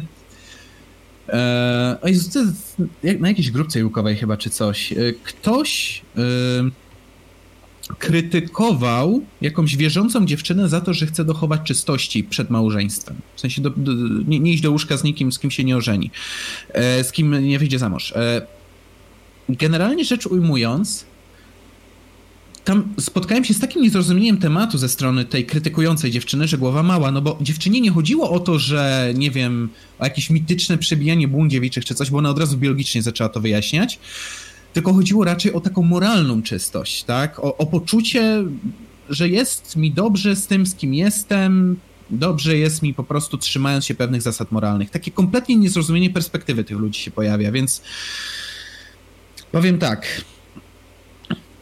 Polska od paru lat się lekko ateizuje, ale jednocześnie pogłębia się, zwiększa się ilość głęboko wierzących. I ci głęboko wierzący, moim zdaniem, będą mieli w najbliższych latach najtrudniej. Bo nie są żadnym języczkiem uwagi, a mimo to muszą się mierzyć ze społeczeństwem w takiej formie, jakiej jest. Uff. Dobrze, to takie krótkie pytanie. Szymon Wawrzeńczyk zadał nam pytanie, co sądzimy o musicalu Hamilton? Ja się e... nie wypowiem, bo nawet nie wiem dokładnie o co chodzi. Ja w muzykalach to jestem totalna noga. Ja widziałem jeden musical, nie ten, ale powiem tak, e, jako że forma mi się spodobała, prawdopodobnie za jakiś czas obejrzę i może jak mi się przypomni pytanie, to, to wtedy skomentuję. Bo nawet, nawet bym zobaczył, ale e, za, za jakiś czas. Hmm. Okay. Tutaj dalej mamy krótką serię stwierdzeń i, i odniesień do, do 17 odcinka od poradnika fotograficznego Zapytaj fotografa. E, I tak, e, pierwsze stwierdzenie jest odnośnie patriotyzmu. Patriotyzm w boju to nie oddawanie krwi za ojczyznę, tylko sprawianie, by wróg oddało, oddawał krew za swoją. To jest to sformułowanie Patona. Tak. No, no, no wiadomo, że na wojnie lepiej, żeby wolałbyś, żeby był Martin II niż ty. No, tak. Chyba, że, chyba, że jeśli wszystko jedno, no to, to jest inny przypadek. E, tutaj zaśmieję się do mojego stwierdzenia, tego nie robią frajerzy, tylko copywriterzy. Nie zdziwię się, jak tak te XD wynika z tego, że bardzo często copywriterom się mało płaci, więc ich się trochę traktuje jak frajerów. E, Takie, oj tak byczku plus korpo. Tak, e, no, zdarza się, nie no. W korpo płacą nawet tak okej, okay no, no jak jesteś no. początkujący, no. no to dostaniesz niskie pieniądze, ale jak już się wprawisz, no to już jest lepiej. Mm. Choć wiadomo, no że raczej nie zarobisz tak dużo, jak na przykład gość, który ustawia od strony technicznej kampanii i musi je codziennie optymalizować. Po prostu klepiesz mm -hmm. tekst, wysyłasz dalej, jest ok, jest, jest ok, piszesz następny, nie? Mam no tak, na tyle tak, i tyle tak, tak, znaków w takiej tematyce, takie słowa kluczowe i musisz, musisz klepnąć tekst, nie? Mm -hmm. no, i tak. Składanie słówek. Dokładnie tak. Tak, żeby brzmiały dobrze i dla algorytmu i dobrze dla człowieka. Mhm. I tak, tutaj mamy dalej. Na polskiej scenie mieliśmy podobny Wu-Tang e, liczebnie, czyli Zip Squad.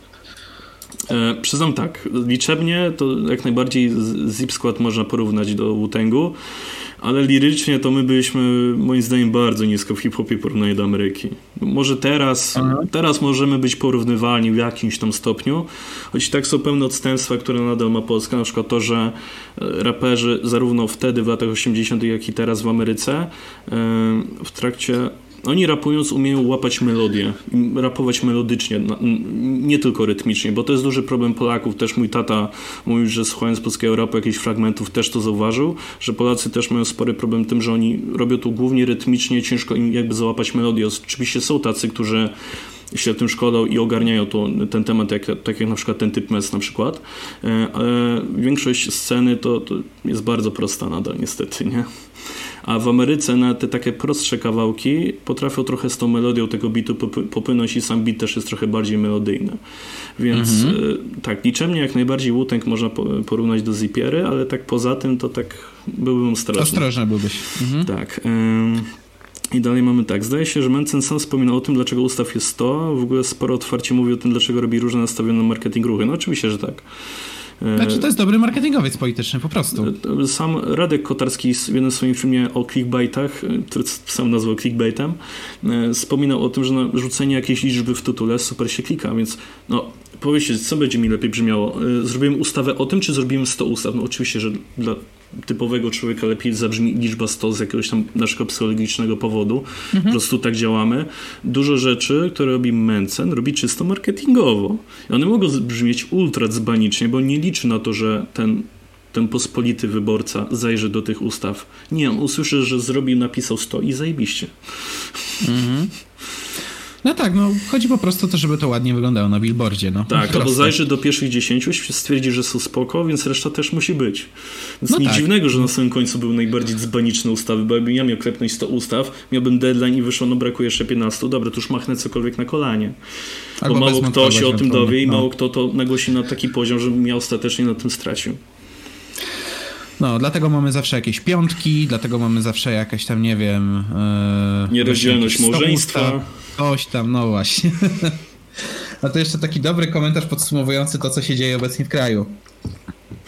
Od Michała Borowczyka. Ostatnio oglądałem Kuchen Rewolucję. Uświadomiłem sobie, że ta cała praca włożona w 21 sezonów, te restauracje pójdą się jebać, a program ma wersję w innych krajach i pewnie też praca się pójdzie. No. E, no. Teraz uwaga, nie powiedziałbym do końca. Znaczy, mhm. to co już zostało wyemitowane, no już oni na tym zarobią i zarobili. Tam już niczego nie stracą. Oczywiście oni będą mieli bardzo duży problem, żeby zdobyć jakieś nowe rzeczy, nowe restauracje, bo ich nie ma. Ale myślę, że nie będzie problemu powiedzieć pani Magdo, no może teraz pani pogotuje, jak Makłowicz poopowiada o czymś. No w sumie mogę. To jest telewizja, wiecie, tam jest tyle ludzi, że oni prędzej czy później i tak coś wymyślą. No i sobie zbadają rynek, zobaczą czego ludzie chcą i, i, i to wprowadzą, albo wprowadzą coś podobnego. Więc tak, jak będą tylko... musieli zawiesić, to zawieszą oczywiście kuchenne rewolucje, ale nie bójcie się, oni coś wam dadzą w te miejsce. Znaczy, ja myślę, że w tym komentarzu bardziej chodziło o to, że y, ta robota, żeby przez 21 sezonów naprawić tyle restauracji, teraz idzie się jebać, bo wszystkie pozamykają. A to tak, e... tak. To po tym kątem jak najbardziej tak. No, no niestety tak. No, to znaczy wiadomo, część tych restauracji przejdzie na na dostawę, choć wiele restauratorów mówi, że to i tak nic nie da, bo oni płacą tak horrendalne ceny za, mhm. cen, ceny za czynsz, że oni z tych dostaw nie są w stanie w żaden sposób nawet tego pokryć, albo ledwo co pokryją, jeszcze do tego muszą zapłacić pracownikom, więc zaczyna się obcinanie etatów, robienie tak, żeby e, pracował tak, żeby dało się w ogóle wytrzymać tej firmie, e, albo mhm. zamknięcie po prostu firmy, bo nie masz czego komu płacić, nawet sobie. Dokładnie czasami. To.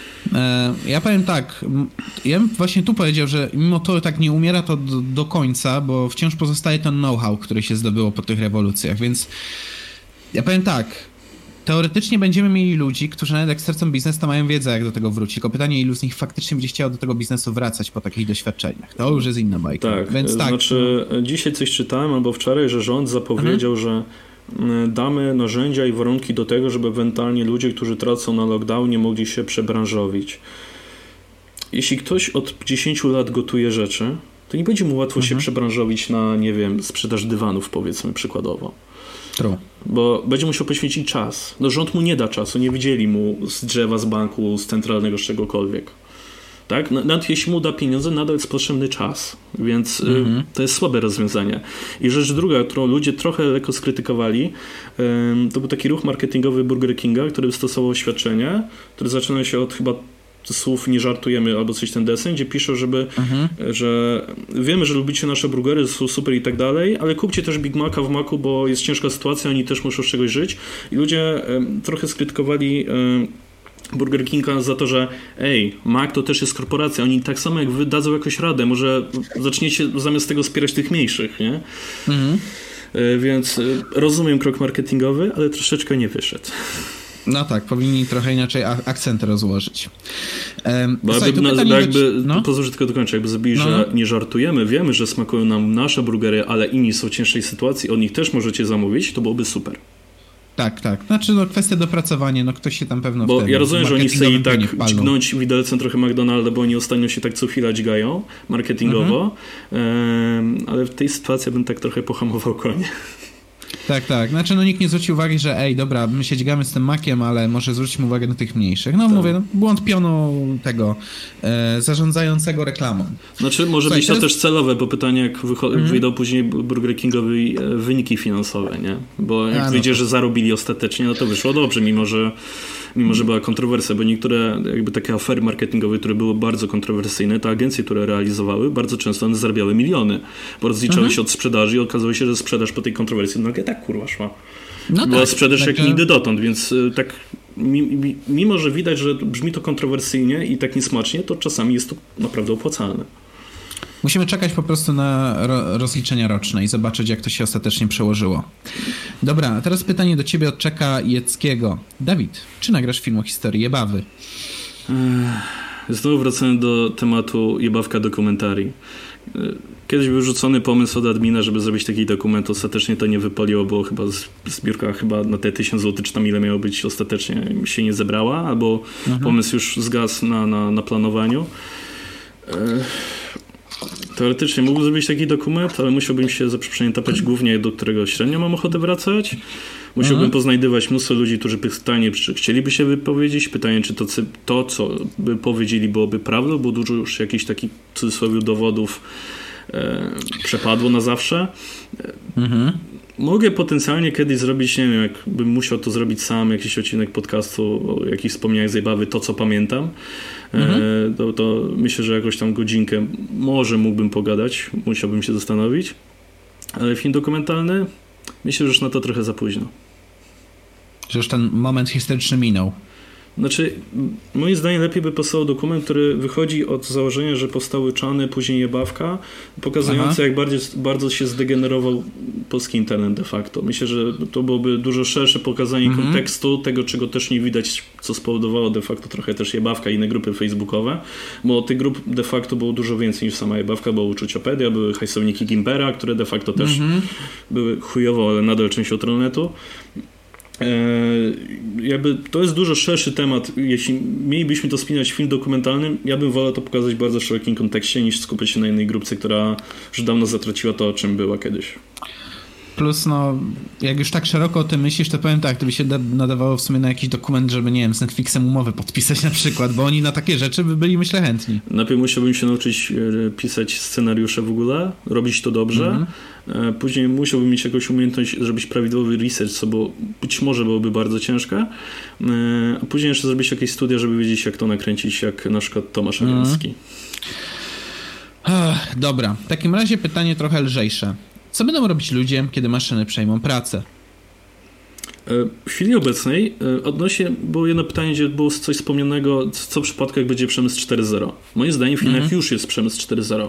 Widziałem dużo filmów, gdzie ludzie już używają um, tych, jak to się nazywa, tych wspomagających szkieletów, egzoszkieletów. Egzoszkieletów. Tak. Um, tak, które pomagają im przenosić ciężkie rzeczy, które pomagają im coś dźwigać. Um, niektórzy zaczynają wyglądać jak kurierzy z Death Stranding, bo są też takie plecaki, gdzie możesz narzucić 5 toreb Ubera i jesteś Aha. w stanie iść, bo masz te wspomagacze na, na plecy i nogi. Więc w Chinach mhm. to już się dzieje, ten przemysł 4.0. I prawda jest taka, że prędzej czy później on zacznie przychodzić do Europy i do reszty świata. Więc yy, na chwilę obecną raczej idziemy w tym kierunku, żeby maszyny nas pomagały, a nie wyręczały. To, oczywiście w niektórych przypadkach tak. będą nas wyręczać, ale nie we wszystkich. Pytanie, co będzie mhm. później? Um. Ja właśnie tak może patrząc na tą bardzo daleką perspektywę, właśnie dlatego się rozmawia teraz o bez, mm, bezwarunkowym dochodzie podstawowym, bo właśnie już niektórzy myślą o tym, że o zaraz technologia już będzie w stanie zrobić za nas wszystko, bo już zaczyna być kreatywna. Ale powiem tak, Ciężko mi to przewidzieć. Najczarniejsze scenariusze są takie, że po prostu powstanie kasta niepotrzebnych ludzi. Ludzi, którzy nie wnoszą żadnej wartości, ale trzeba ich będzie utrzymywać. Niektórzy na przykład wierzą w wizję społeczeństwa, w której maszyny są opiekunami ludzi. Utrzymują ich jakoś tam sposób, że musielibyśmy tak programować maszyny, żeby nas nie chciały mordować, tylko się nami opiekować. I powiem tak. Powiem ci, że tutaj trochę tak wypływa wizja tego filmu animowego, animowanego Pixara Wally. Tam też była koncepcja, że tak. ludzie jeżdżą tak. na gotowych wózkach, są karmieni, wypróżniani, mhm. wszystko jest za nich, oni po prostu jeżdżą, absolutnie nic nie robią, nie? Dokładnie to. W sensie fantastyka naukowa to się tym od dłuższego czasu zajmuje w swoich powieściach, więc... Mm, Ciężko jest oczywiście przewidzieć jakąś jedną wizję, ale większość, jak się wypowiada na ten temat, to raczej są czarnowidzami. Na zasadzie ludzie staną się zbędni albo zatracą to, co czyni ich ludźmi w pierwszej kolejności. Ale czas pokaże, jeszcze nie grozi nam to w najbliższych latach. A teraz lekkie pytanie od Kacpra Wilka. Gąciarz się zestrał? Tak.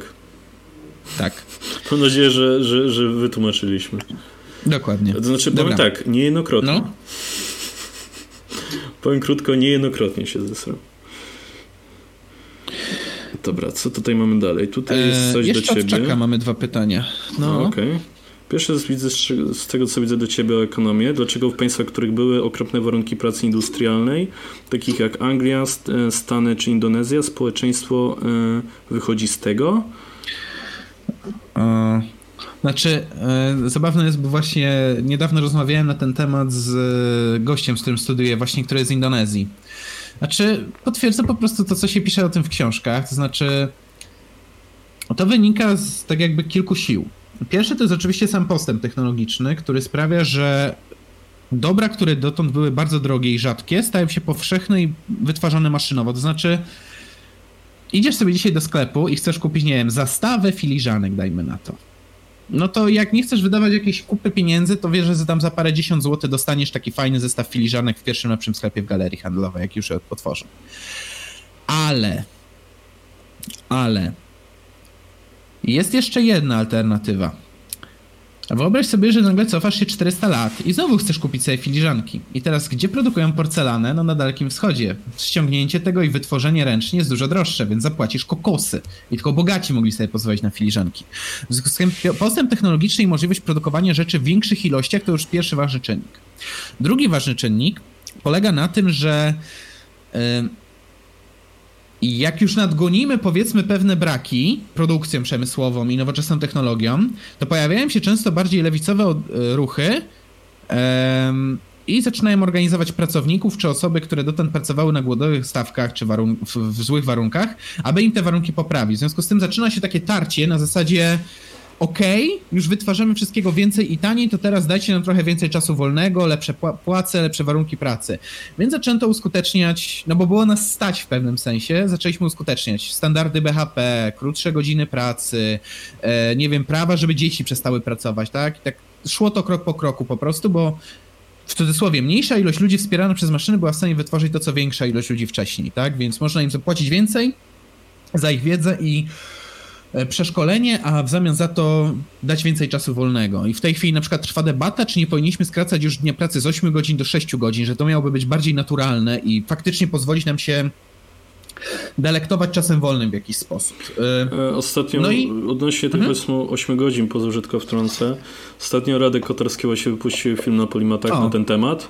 I właśnie też opowiadał skąd się wziął tryb 8 godzin. Mówi, że chodziło o to, żeby mhm. osoba miała 8 godzin na sen, 8 godzin mhm. na pracę i 8 godzin na jakby sprawy swoje i że wynikało to z tego, że większość ludzi mieszkała bardzo blisko tych fabryk czy miejsc pracy. Więc no oni no tak. jak wyszli z pracy, to 5 minut już są u siebie. Jakby już mhm. tracę tylko 5 minut. W czasach dzisiejszych ja na przykład, jak muszę pojechać do biura, to już mam zmarnowaną de facto godzinę tak naprawdę, bo muszę wstać 6, nawet więcej. Muszę wstać 6.30, wziąć prysznic, przepraszam, 6 rano muszę wstać, wziąć prysznic, w miarę się ogarnąć, ubrać, 6.30 e, pójść na autobus i pół godziny jadę w jedną stronę. Więc, I siódma jesteś na miejscu. I no, no. Prawda jest taka, że po pracy nie mam 8 godzin dla siebie. Mam dużo mniej godzin dla siebie. Mhm. I sam Kotarski wspominał, że powinno już powoli dochodzić do tego, że będziemy pracować trochę mniej, żeby mieć po prostu więcej czasu dla siebie, bo inaczej te konsekwencje tego już widzimy, a będą tak naprawdę tylko gorsze. Tak, dlatego ja mówię, że w czasie takiego postępu potrzebne są powiedzmy też odłamy bardziej lewicowe, czy odłamy bardziej prosocjalne, które tak jakby nacisną posiadaczy majątku, że okej, okay, już mamy wypracowany kapitał, teraz zacznijmy trochę inaczej z niego korzystać, tak? Trochę przesuńmy to obciążenie. No i to nie jest proces, który da się prześledzić na, że identycznie zawsze będzie tak samo przebiegał, ale powiedzmy tak, trochę technologii, trochę starć z władzą i, i, i mamy 8 godzin pracy. O, no tak to wygląda w skrócie, nie? E to się dzieje moim zdaniem przez zmiany tak gospodarcze i technologiczne, jak i społeczne. I trzeba po prostu uwzględnić te dwa wymiary tego wszystkiego. Uff. Mm. I drugie pytanie mamy o argument y, kalkulacyjny Kisesa. Jeśli mamy table, na przykład przydatności metali, jakiegoś tam drewna i jego zasoby, Jest. można określić, czy budowa torów kolejowych jest opłacalna bardziej tak czy tak, bez systemu cenowego. Ech. Teoretycznie tak. Mamy jakąś tam tabelę przydatności i z tego wyliczamy sobie wartość abstrakcyjną. Tylko powiem tak. Dlaczego mamy się tym zajmować? Po co tracić na to czas i zasoby, skoro system cenowy nas w tym wyręczy, oszczędzi w opór czasu i pozwoli to uporządkować w 99% przypadków sposób doskonały. No, no, no, może nie doskonały, ale funkcjonalny. W sensie, ja nie mówię, że jest ten 1% przypadków, takich jak obecna pandemia, że faktycznie będzie nam ciężko to kalkulować cenowo ale Naprawdę, po co? Niech mi ktoś wytłumaczy, dlaczego mam marnować czas i energię na wyliczanie użyteczności czegoś, co może zrobić system cenowy, który właściwie przez nikogo nie musi być na żywo kontrolowany. W tym sensie, że na żywo trzeba jakoś aktualizować ceny. To się dzieje tylko na giełdach. Moim zdaniem to jest wygodniejsze i tyle. O, a tu takie widzę naprostowanie do twojej wypowiedzi o Czechach, że z tą laicyzacją w Czechach nie jest tak, że mają największe wydatki na wróżki w przeliczeniu na jednego mieszkańca UE, że gdzieś tam jakaś taka informacja na streamie dla patronów Szymona wypłynęła. No, znaczy, ja szczerze nie wiedziałem o tym. Ja też o tym nie wiedziałem, yy, przyznam szczerze. Ja wiedziałem po prostu o tym, bo wspomniał o tym przewodnik, że Czechy są bardzo ateistycznym krajem. Tyle wiedziałem i tyle -hmm. powiedziałem. Ja się nie uznaję za eksperta o Czech, bo byłem tam całe dwa razy w życiu na chwilę. Yy, I -hmm. moim szczytem próbowania rzeczy z Czech to jest yy, czekolada studencka i absynt. Więc, y, ale Oj, dobrze, tak. że o tym wspomniałeś, y, że, że być może tak jest. To, to by dużo tłumaczyło tak naprawdę również. Y, choć z tego, co tam chyba napisał Szyk w komentarzu poniżej, że najpewniej tak, mhm. ponieważ brak wiary w Boga często jest nadrabiany astrologią i inną pseudonauką, mhm. a czasem wierzy, miesza się wiarę w, w, Boga z takimi gównami, jak na przykład mojej rodzinie, okej? Okay? E, ogólnie w Czechach najprawdopodobniej, moim zdaniem, jeśli ktoś studiował tę tematykę, to może mi sprostować, ateizm wziął się ze skutecznego wypławienia Husytyzmu. Mhm. E, tak, i kolejny rozwinięty form protestantyzmu do XVII wieku, które istniały potem, ale w marginalnej formie ze sprawą prześladowań Habsburgów. A husytyzm odrodził się wraz z niepodległą Czechosłowacją bardziej jako religia będąca stricte elementem świadomości narodowej niż świadectwem żywej wiary. I całości nie będę czytał, bo to jest dosyć długie. Tak, tak, ale... Ale polecam się że... zapoznać, jeśli kogoś to interesuje. Mhm. Były, były tego źródła, po prostu powinniśmy pamiętać i mm, znaczy potwierdza się teza z najnowszego materiału popularno-naukowego, to znaczy nie ma tak naprawdę cywilizacji, czy nawet wychodzi tutaj społeczeństwa, które byłoby w stanie zbudować zdrowe podstawy bez religii. Um, dobra. E, generalnie przeskoczymy sobie teraz dalej. Kasper Wilk jeszcze zaznaczy, że jak wybieraliśmy między tym, którym monarchą byłby lepszy, Korwin czy Brown, to definitywnie Brown byłby lepszy. Gdyby został królem, e, gdyby królem został Korwin, to po jego śmierci doszłoby do straszliwej wojny o sukcesję między ty, tymi jego wszystkimi dziećmi. tak o tym nie pomyślałem. W sumie byśmy mieli kolejny ten, e, jak to się nazywał w historii, te rozdzielenie dzielnicowe. Rozbicie dzielnicy, tak, tak. tak. E, a Korwina wiesz, jakby zatytułowano historycznie? No. Korwin pierwszy chutliwy. Ej, ale spójrz na to z innej strony. To byłaby jedyna metoda, żeby doprowadzić do Polski tysiąca Liechtensteinów. Ej, kurwa, to jest genialne na swój sposób. Jesus. A coraz bardziej się skłaniam ku Korwinowi w takim razie, jak ma wybierać między tymi dwoma monarchami. O, A Boże. spójrz na to z innej strony. Zarówno u Korwina, jak i u Brana byłyby strzelnice. Profit, profit. No, tak, no, też mówię, dlatego rozdzielenie ich wydaje się takie trudne po prostu, nie? Bo, bo jakieś tam profity wspólne mają jednak. Ale no, to już tu dałeś mocny argument za Korwinem. E, lubię Minecrafta skomentował, że wyglądam jakbym dziś, dzienną dawkę snu zastąpił 10 łyżkami cukru. Yes. A serio? Ja nie wiem, ja po prostu mam takie oczy. Znaczy, ja naprawdę często się czuję wypoczęty, nie zmachany ani nic, a po prostu no, no, wyglądam jakbym wyszedł przed chwilą z grobu prawdopodobnie, czy coś. Podobnie jak, podobnie jak Bartek Sitek, który nawet wspominał, że on, tak. on się w ogóle badał, żeby zweryfikować od czego to ma i wyszło, że nie wiadomo, po prostu to ma. No to, no Jest całkowicie tyle, no. zdrowy i po prostu to ma i tyle. Także cześć. No. Dobra. Um... Niwat tutaj komentuje. Czy nagły wzrost przyrostu nie doprowadzi do katastrofy? Chyba chodziło o przyrost demograficzny. Może szukam dziury w rajstopach, ale jeśli yy, nagle dostaniemy masę bachorów, to system medyczny, edukacji, przedszkola, Europy rodzicielskiej i tym podobne robią kaput. Plus jeśli będziemy mieć masę dzieci, to możemy sobie nie poradzić sobie z ich wytre wychowaniem. Hmm. E, plus, czy jeśli mamy masę pracy wykonywanych przez imigrantów, to czy nie pojawi się tutaj konflikt przy zatrudnianiu, czy nagle zaleje nas tsunami pracowników? No, Pracę trzeba znaleźć, ale wywalimy masę pracujących obcokrajowców, czy nowe pokolenie pogodzi się w swojej pracy e, szk, e, swej, w pracy szklanej piwnicy, czyli z takiej, której nie można awansować. E, ja powiem tak, Jakbym był Krzysztofem Bosakiem, to w tej chwili już bym mówił o tym, że tak warto zwolnić Ukraińca, żeby dać Polakowi pracę, ale że nie jestem Krzysztofem Bosakiem, to powiem tak.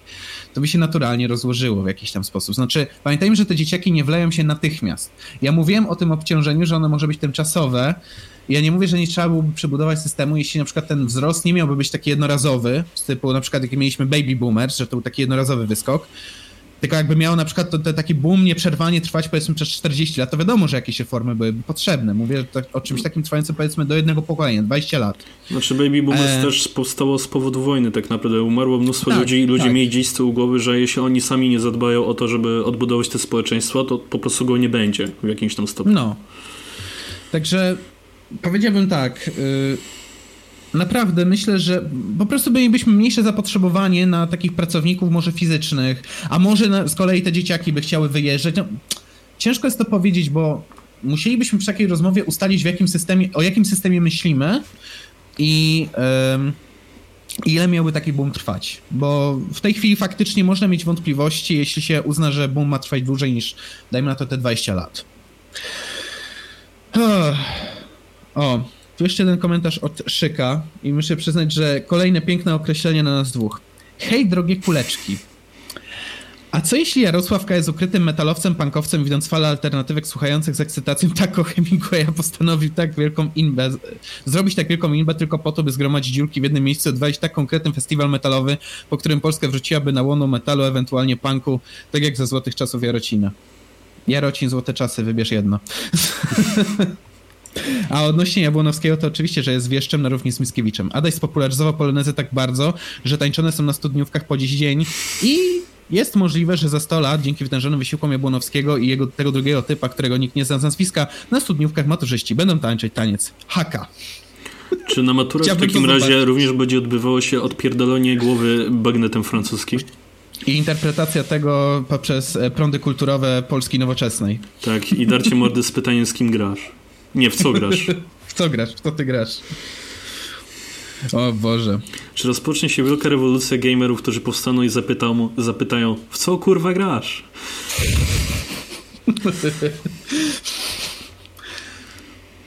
A ja, ja, ciągle mam głowę zaci zaciśniętą przy, tych, przy tym tańcu haka, przy, przy... Jezus, to musiało wyglądać przepięknie, naprawdę, wiesz, wszyscy odwaleni, wiesz, w te garnitury, w suknie i, i taniec haka.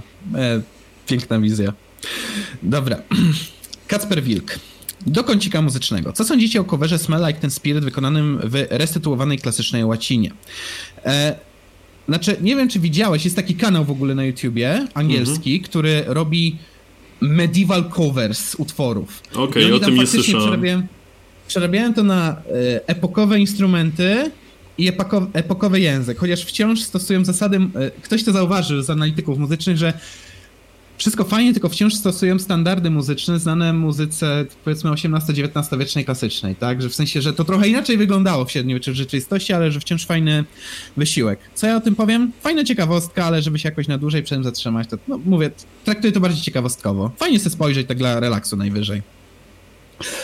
A jak już przy tym jesteśmy, to co sądzicie o teorii, że język wpływa na mentalność i organizację narodu? W rozmowie w Real 24 profesor Jan Kubań podał przykład, że samo, na samą myśl w języku angielskim można wyrazić krócej niż w języku polskim, że to miało wpływ na to, że Anglicy stworzyli imperium na jedną trzecią świata, rozciągnięte na wielu kontynentów, byli nim w stanie sprawnie zarządzać, a Polacy nie. A z drugiej strony uczestniczący w tej rozmowie Krzysztof Lech Łukszam powiedział, że być może bardziej skomplikowane języki mają też plus w postaci tego, że kultura na nich oparta jest lepiej zespolona i cięższa do wytępienia. Podał to na przykład Polaków czy Chińczyków, których języki są trudne. No tak. E, to znaczy w pewnym sensie tak, bo spójrzmy na to, co się teraz dzieje. Na przykład to jest najlepszy przykład. Ameryka jest totalnym roztrzaską. Jest tam totalny burdel za przeproszeniem. No posługuje się angielskim, który jest stosunkowo prosty. W Polsce też mamy swoje problemy i, i swoje potrzaski, ale mhm jak jest problem w Ameryce, to się za chwilę rozlewa na cały świat. Jak problem tak. jest w Polsce, no to oczywiście teraz to, co się działo ze strajkiem kobiet, nawet jakieś chińskie media o tym wspominały, e, ale mimo wszystko my potrafimy się jako Polacy jakoś zżyć. No, najlepszym przykładem jest to, że część Polaków na przykład brzydko mówiąc, jebie po Unii Europejskiej. To jest jakieś mhm. takie zintegrowanie się z sobie w jedności, że nie, Polska ma być Polska i Unia nie będzie nam narzucać, ile e, mleka od naszych krów możemy pobierać, czy coś, nie? No tak, tak. Więc y, no, generalnie, mhm. nawet, o, nawet jak byliśmy pod zaborami, no to mimo wszystko jako Polacy, jako ten naród, który posługuje się tym językiem polskim, byliśmy w stanie jakoś wspólnie przetrwać, mimo że to były trzy różne zabory i się potem jakoś w jakiś sposób jednoczyć mimo jakichś różnic. Więc no, w pewnym sensie jestem w stanie do, do, po, nad tym się pochylić, że tak. Z tym angielskim to akurat ci powiem, że nie pierwszy raz słyszę ten argument. W takich zajęciach uczestniczyłem, gdzie właśnie typ nam tłumaczył. Proszę posłuchać, jak y, Amerykanie zapraszają kogoś do wyjścia z domu. A jak? Trzeba by im odpowiedzieć, żeby wytłumaczyć, że się nie może z jakiegoś powodu. Znaczy, w Polsce jest tak. Nie, nie, nie mogę, bo jestem zajęty. Albo nie mogę, bo coś tworzę, albo nie mogę, bo mam inne plany. Łatwo jest zaprzeczyć. Łatwo jest powiedzieć nie na prośbę w stylu: Ej, czy chciałbyś może dzisiaj wyjść gdzieś tam? Tymczasem w Ameryce nie dość, że samo zaproszenie jest krótsze, znaczy wanna hang out? Albo tam, nie wiem, 5 mm, p.m. at my place, coś takiego. Wiesz, tak krótko się tam zaprasza, nie? A odpowiedź jaka musiałaby być? You know, I would come, but at the same time I have to finish this difficult job from... Tak, tak się to ciągnie trochę, nie? Chodzi o to, że faktycznie to mogło jakoś wpływać na tę taką kulturę hura optymizmu w Ameryce. Ale znaczy bardzo fajnie te różnice pokazuje mhm. Dave z Ameryki na swoim kanale. On świetnie pokazuje różnice pomiędzy mhm. mentalnością Amerykanów a Polaków. E, no, na przykład on raz tłumaczył to, e, jak się ponagla, czy tam daje jakieś sugestie do zrobienia czegoś inaczej w pracy. Mówi, no wiecie, mhm. w Polsce to wy jesteście szczerzy. Otwarcie pójdziecie do pracownika, powiecie, że zjebał i ma to robić inaczej. A w Ameryce? No w Ameryce trzeba napisać, że no to jest ok, fajnie, ale na twoim miejscu na przyszłość bym sugerował, żeby spróbować i tak, i tak. Myślę, że będzie mhm. lepiej i się bawić jakieś takie, wiesz, wymijasy, nie? Totalne. No tak, w sensie i tu, tu, tu, się pojawia jeszcze taki problem często e, w analizie mm, socjologicznej państw. To znaczy, mówi się, że państwa, które są bardziej hura optymistyczne, z jednej strony są bardziej kreatywne, ale jak napotykają na kryzys, trudniej im się z nim pogodzić. W sensie, no, Ameryka jest teraz idealnym przykładem. Mają kryzys polityczny, zdrowotny. Za chwilę finansowy jest, życie. Tak, tak. I kraj jest dosłownie na granicy wytrzymałości już. To się wydaje, że może pęknąć w każdej chwili. Tymczasem u nas, to technicznie mamy tę samą sytuację, ale wciąż mamy takie E, jakoś to będzie. Takie, Duda walnie tą ustawę, zrobi nowy kompromis, większość ludzi się wykruszy prędzej czy później, no jakoś tak to się skończy. Jakoś łatwiej to zaakceptować zwyczajnie, tak. dokładnie. Ehm, dobra, tu jeszcze taki krótki komentarz od minikami Mario. Pan Dawid wygląda jak japoński sumoka, tak mi się jakoś skojarzyło. To fajnie. Mam trochę dłuższe włosy, więc może. Dobra, ale teraz na poważnie. Jedno e, dłuższe pytanie od Anonima. To straszne, jak młode osoby są bardzo eksternistyczne. Ja byłem kucem do 16 roku życia, choć do dziś rozważam koncepcję monarchokapitalizmu. Problem w tym, jak miałaby wyglądać konstytucja. Osobiście z kuca zostałem zwolennikiem kapitalizmu, ale z rozwagą oraz wciąż kwestie światopoglądowe, moje kwestie światopoglądowe nadal się kształcą. Pytanie, czy mieliście jakiegoś typu, jakiegoś takiego typu okresy w życiu? Ogólnie no tak, no to takie, taka, takie rozdarcie światopoglądowe to ja właściwie mam teraz i wiem, że będę miał całe życie, bo... No właśnie też chciałem powiedzieć, że kwestie no... światopoglądowe tak naprawdę kształcą się całe życie. Z finansowymi jest łatwiej, to znaczy ekonomicznymi, bo ekonomia głównie opiera się w jakiś sposób matematykę też. Więc część rzeczy, tak. jak już wyliczysz, że wychodzi tak, no to dopóki ktoś nie podważy, że tak nie wychodzi, no to nie będzie inaczej, nie? Oczywiście w ekonomii mhm. też jest ważna kwestia społeczna, oczywiście, co nie zmienia faktu, że fundamenty y, gospodarcze są w jakiś sposób oparte o matematykę, jakby nie patrzeć. Mhm. Światopoglądu tak średnio oprzesz o matematykę, więc tam może się zmieniać dosłownie wszystko łącznie z fundamentami. Znaczy, tak przywoływam takie słowa, że mm, światopogląd pod kątem ekonomii kształtują argumenty, a światopogląd pod kątem no, światopoglądu kształtują emocje. I to no. się tu mocno potwierdza. W sensie, ja też, no tak naprawdę, ilekroć nasze społeczeństwo nie staje przed jakimś kryzysem społecznym, to ja muszę przystanąć i się zastanowić, okej, okay, co na ten temat wiem, co możemy powiedzieć społeczeństwo dookoła i jaką ja mam ostatecznie w tym postawę. To nie jest tak, że ja na dzień dobry potrafiłbym się wypowiedzieć o, nie wiem, zmianach w prawie aborcyjnym. Też potrzebowałem trochę czasu, żeby tak jakby objąć w tym głowę. W sensie od pierwszego posta do wypowiedzi, które tutaj padają dzisiaj, też trochę czasu minęło i widzę tam jakąś delikatną ewolucję w tym wszystkim. Dopracowanie, doszukanie się jakichś nowych wątków, więc to jest całkiem normalne. W sensie też się zgodzę. Ekonomicznie moim zdaniem łatwiej się określić i przy tym trwać niż e, pod kątem... Mm, niż pod kątem światopoglądowym. Albo inaczej, w ekonomicznym jak robisz zmiany, to robisz raczej drobne zmiany w konkretnym kierunku. A w, świecie, w światopoglądzie potrafisz zrobić nagle fikołka i nie rozumiesz czemu. No bo emocje. O, jeszcze Minakiego, Minakiego doszły słuchy, że miałbyś być twarzą gry Ghost of Tsushima. W sumie, cholera? Ej, gdyby zrobić polską wersję Ghost of Tsushima, czyli Janosik, to moja twarz, why not, nie?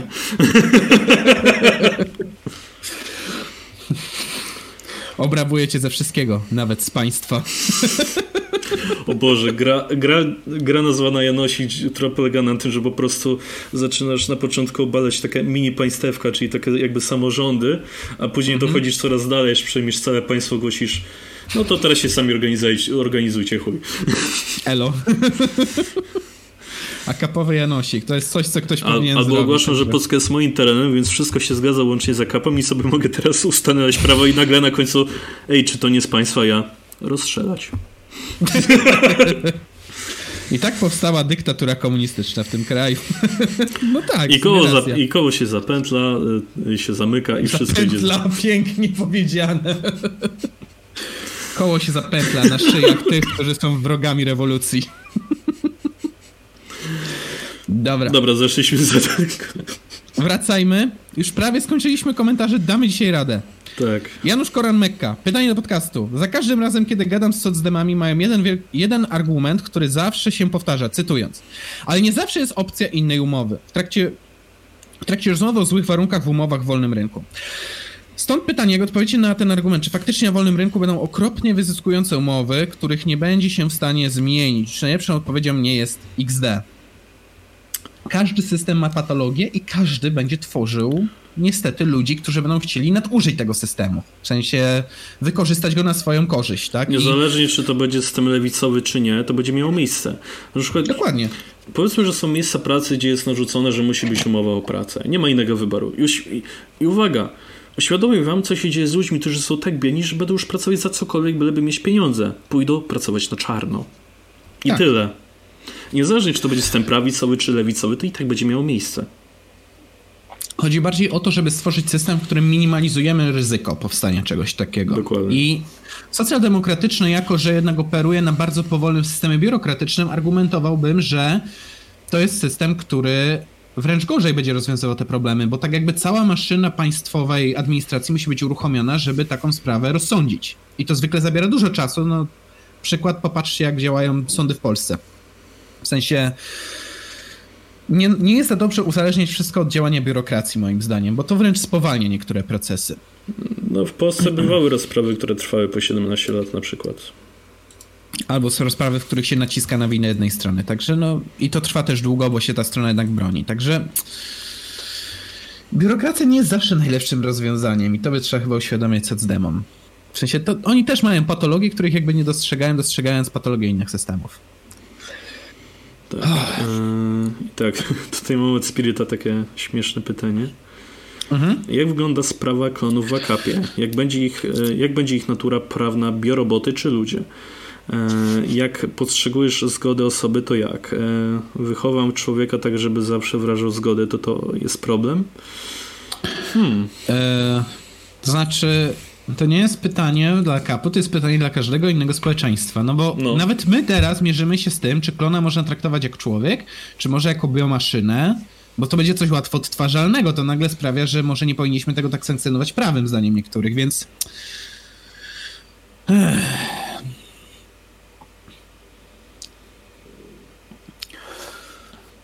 Ja z mojej strony. Ja bym powiedział, że dużo znowu... zależy od prawodawcy. Czy mhm. prawodawca będzie się czuł jako stwórca tego czegoś, w sensie takiego biorobota wtedy, i czy poczuje nad nim absolut władzę i że on może o nim decydować, czy może raczej dobrowolnie, z ciepła serca po prostu odda mu prawa tak jak wszystkim innym ludziom. Trochę chyba zależy bardziej od prawodawcy niż od systemu i od jego przekonań. To też trochę zależy od społeczeństwa, bo no, mhm. jest taka anime, nazywa się Naruto, później przekształcono w Boruto, czyli jakby przygody jego syna.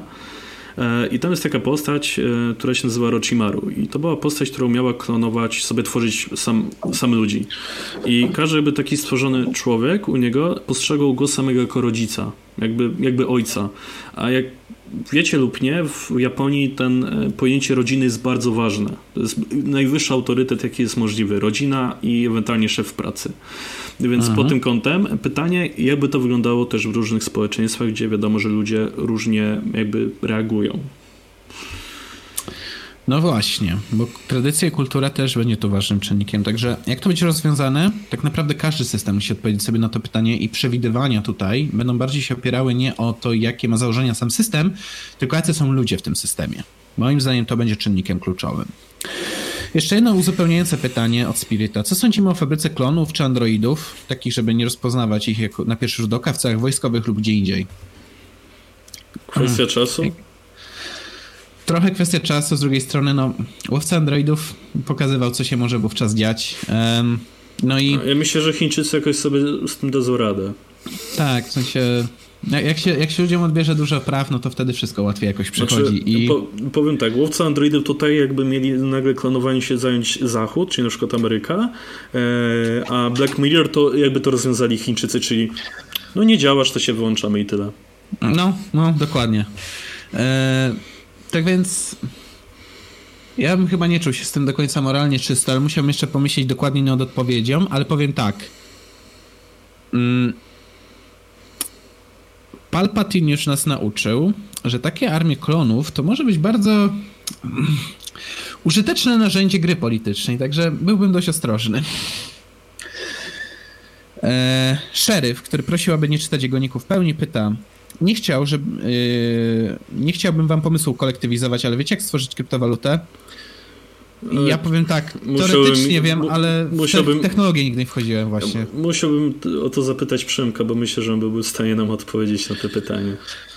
Znaczy, bo teorię znam mniej więcej za tym stojącą, ale. Ja też teorię mniej więcej znam, wykonać. ale od strony technicznej, jak to się. To znaczy, na pewno to się programuje, tyle mogę powiedzieć. Ale jak to wygląda dokładnie, nie mam zielonego pojęcia. Bo jakby nigdy w to nie, nie wnikałem, bo prawda jest taka, że ciężko jest stworzyć w dzisiejszych czasach kryptowalutę, na której da się dobrze zarobić. Mhm. Więc iście w to jest Chociaż... trochę nieopłacalne. Chyba, że idziesz w memy i wtedy masz większą szansę. Tak, a jako CEO ogłaszasz Ilona Maska, on się zgadza. Bo taka była znaczy, historia zgadza. z Dogcoinem, nie wiem czy wiesz. Właśnie. Mhm. Właśnie wiedziałem, że do tego pijesz. W sensie, tak, oni ja go wierzę, zapytali że... na Twitterze, ej, chcesz być CEO? Okej, okay, i tak. wiesz, i się ogłosił na Twitterze CEO po prostu. Cześć, jestem CEO dzisiaj, co? Co? Słuchaj, jeszcze taki komentarz od tak. Ja, ja go muszę przyznać, bo się czuję osobiście dotknięty. Co do tematu szuryzmu, zauważyłem, że większość szurów to prawicowcy, będący ateistami lub agnostykami. Po prostu nie mają Boga dobrego w niebie, więc tworzą sobie złego Boga w postaci wymiotów Gatesa Maska. Być może, choć bardziej bym tutaj upatrywał tego, że to są osoby, które ekstremalnie mocno się zamknęły w jakiejś bańce i bardzo ciężko im w ogóle z tego wyjść. Więc znaczy... ja bym znaczy- tutaj połączył to, że być może mają jakieś problemy religijne, być może, bo nigdy tego nie badałem, więc też tak, tak gdybam. Mhm. I być może zostało to trochę połączone z byciem w bańce informacyjnej. Trochę tak, w sensie... Może być też tak, że to były osoby, które przez jakby długi czas swojego życia były w wielu rzeczach w jakiś sposób odrzucane, nieakceptowane i po prostu znalazły środowisku, w którym w końcu są akceptowane, mimo że to jest totalne pierdolenie głupot. E... Ja bym jeszcze dodał może tylko jedno. Mm. Generalnie rzecz ujmując,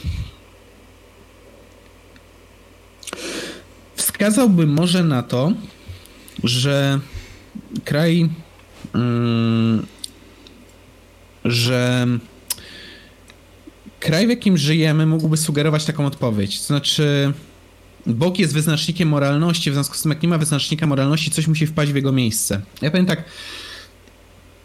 A dlaczego ci ludzie nie mogli sobie w takim razie w to miejsce stworzyć czegoś pozytywnego? I dlaczego znajdujemy wciąż wierzących w grupach ludzi, którzy są szurami? Moim zdaniem to jest zła oś natarcia, żeby wytłumaczyć zjawisko szuryzmu. To nie jest tylko religia, to jest coś więcej. o kurczę. A to ciekawe pytanie. Od Anieka. A co powiecie na to, żeby zrobić kiedyś tier listę polskich premierów lub ministrów finansowych, albo chociaż wymienilibyście najlepszego i najgorszego według was e, z każdej z tych grup? U mnie byłoby o, trochę kurde. ciężko, bo nie pamiętam wszystkich premierów, bo ja tak powiedzmy ciut głębiej polityko zacząłem się interesować, Aha. jak byłem w liceum. Wcześniej to tak, nie? Mm-hmm, e, więc na przykład jakbym miał porównywać premierów, premierów czy ministrów finansów do lat 90, to nie wiem, kto to jest. No tak, bo nie mamy tam po prostu takiego jeszcze wyczucia zwyczajnie, nie? No więc y, mm. może by kiedyś spróbować, choć przyznam, że trzeba byłoby, zwłaszcza ty byś musiał się do tego dobrze przygotować, bo mi byłoby trochę ciężko się poruszać po tym.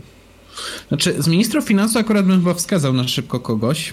Mm, szczerze, ja zawsze miałem dość ciepłe uczucia wobec Zyty Kilowskiej. W sensie, Zyta Kilowska to był... Przypominam, że ona była premierem w czasie rządów PiSu a wprowadziła moim zdaniem jeden z bardziej rikczowych y, reform, jeśli chodzi o polskie finanse. To znaczy e, wprowadzenie tych dwóch stawek e, podatku dochodowego, liniowość podatków. E, w sensie, jak mówiłem, zmiany ekonomii nie powinny następować tak, ale ona szła w naprawdę dobrym kierunku. Jestem ciekaw, co by było, gdyby jeszcze mogła trochę dłużej pobyć ministrem finansów. Także na nią bym zwrócił uwagę, a najgorszego ministra finansów e, ja bym chyba Marka Belkę wskazał. W sensie ja mu nie mogę wybaczyć podatku Belki i uważam, że to jest człowiek, który e, jakby to ładnie powiedzieć to jest człowiek jeszcze dodatkowo powiązany z tym kryzysem Narodowego Banku Polskiego. Wtedy jak PO upadało i się okazało, że tam w tej sobie rozmawiali z nim o tym, że mhm. ej, e, nadpiszmy konstytucję i zacznijmy korzystać z NFZ-u jak z druka, e, znaczy z NBP-u jak z drukarni.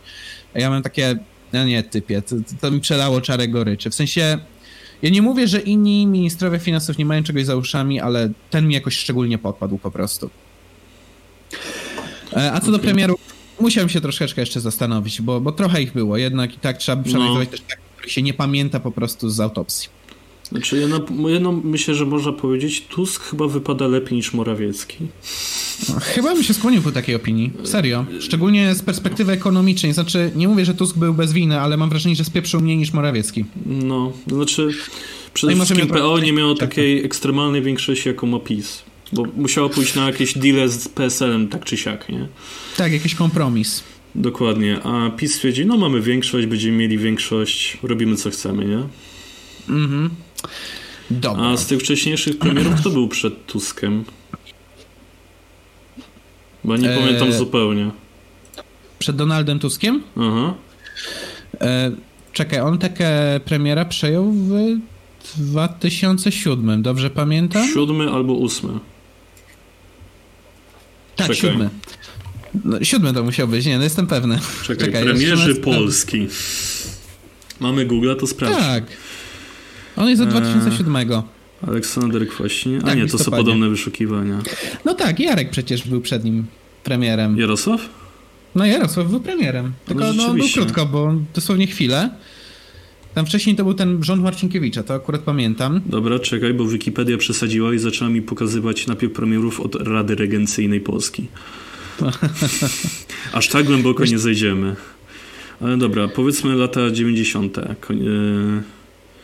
Czy Tadeusz Mozawiecki się liczył pod już wolną Polskę, no, czy... Tak, trochę, no zależy kogo zapytasz. Okej, okay, no to tak idąc po kolei mamy Moza, Moza, Mazowieckiego Tadeusza, Jan Krzysztof Bielski, którego w ogóle nie kojarzę, Jan Olszewski, którego kojarzę, Waldemar Pawlak, czyli już po nocnej zmianie, e, Hanna Dokładnie. Słuchocka, Waldemar Pawlak znowu, Józef Oleksy, Cimoszewicz, Jerzy Buzek, e, Leszek Miller zapomniałby. Lewica dominowała. Tak, tutaj jest Marek Belka też, e, Marcinkiewicz, Kaczyński, Tusk, Kopacz, Szydło i Morawiecki. Tak to mhm. leci chronologicznie od lat 90. Znaczy, kurna, no znowu Belka mi się tu pojawi. Ja jestem cięty na tego człowieka, że ja nie mogę. Dobra, ale może zostawmy na razie to. Przejdźmy do dalszych pytań, żeby je dzisiaj skończyć. Gustaw, w tej chwili posypanie głowy popiołem to oddanie pola razemkom. Już kazali libertarianom wypierdalać i muszą w KRK grupami chodzić, bo im flagi zabierali. Hołowni też. Kosiniak chciał wpisać kompromis do konstytucji, tego zakrzyczeli. Lewicy nie zależy na złagodzeniu sytuacji. Rzucają idiotyczne propozycje, żeby jęczeć, że PiS nie chce rozmawiać. Najpierw grozili księżom i katolikom, którzy ich nie poprą. Krzyczeli o wojnie, a teraz jęczą, że to pokojowe demonstracje. Potem znów zniszczą, a potem nacjole, nacjole biorą odwet. Chcieli rozwiązania sytuacji na ulicy, to teraz mają XD. A z Libertarian Beka. Chodzą na te marsze, są szarpani, każą im nie przychodzić, też w grupkach chodzą, znów im flagi kradną, nazywają na FB białymi supremistami i banują. Nawet mi ich nie żal. Jak to się daje nakręcić na taką karuzelę w imię, jak to mówi, walki ideologicznej, bo ja też słyszę taki argument często, to mam takie... Znaczy, no, no sam to wziąłeś na siebie, typie. Fajnie, że jestem, wiesz, to jest fajne w byciu libertarianinem. Nie musisz odpowiadać za kogoś, bo wierzysz w indywidualizm, nie? Tak, ale pamiętajmy, flaga Godsena jest rasistowska, tak? Metallica oddawać nam pieniądze za tantiemy, w końcu na ich Black Albumie znajduje się wąż z flagi Gocena. Tak. Um... I tutaj mamy jeszcze od niego kolejny komentarz, mhm. gdzie pisze, że problemem lewicy jest to, że oni są solidarni nawet ze swoimi największymi zjebami. E, to auto było atakowane przez, uwaga, uwaga, Margot. Na wykopie zrobili dochodzenie, że to on. Chyba chodzi o te auto, no tak. które ktoś chyba przy, poprzybijał opony i tak dalej. Mhm. E, tak, znaczy ja nie mówię, że prawicowe środowiska są tego wolne, ale lewicowe jakoś tak szczególnie już się trzymają, jak się na kimś zafiksują, to się zgodzę. No. E, tak, tutaj mamy komentarz od Rodmistrza. Dawaj. Ej, a może po to Niemcy zamknęli polskie cukrownie, by odciąć Androida od paliwa, bo uważają go za zbyt niebezpiecznego dla nich, gdyż zrobiłby bogatą, dobrze prosperującą, silną Polskę. Na pewno. Tworzenie, tworzenie Unii Europejskiej celem odcięcia Polski od cukrowni, żeby załatwić tego jednego człowieka.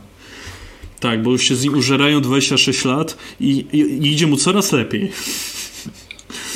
A Android się wycwania i podpisuje deala ruskimi, że mu przesyłali cukier. Boże. Jezus Maria. Przysięgam, kiedyś powinniśmy zrobić takie alternatywne uniwersum Rzeczpospolitej tworzone przez e, komentujących. To by było bene. Tak. I Gustaw jeszcze mam... pyta? Tak, właśnie. O, pierwsze info, pierwszy maja info na FB. O Boże. Fajnie krytykują protesty, czy w ogóle nową lewicę z perspektywy czerwonej ćwiartki. Tak, bo, czy to jest spej, czy... który jest taki ekstremalnie skrajny, jeśli dobrze kojarzę? Tak. Oni są tacy komunistami czystszymi niż sam Stalin, naprawdę.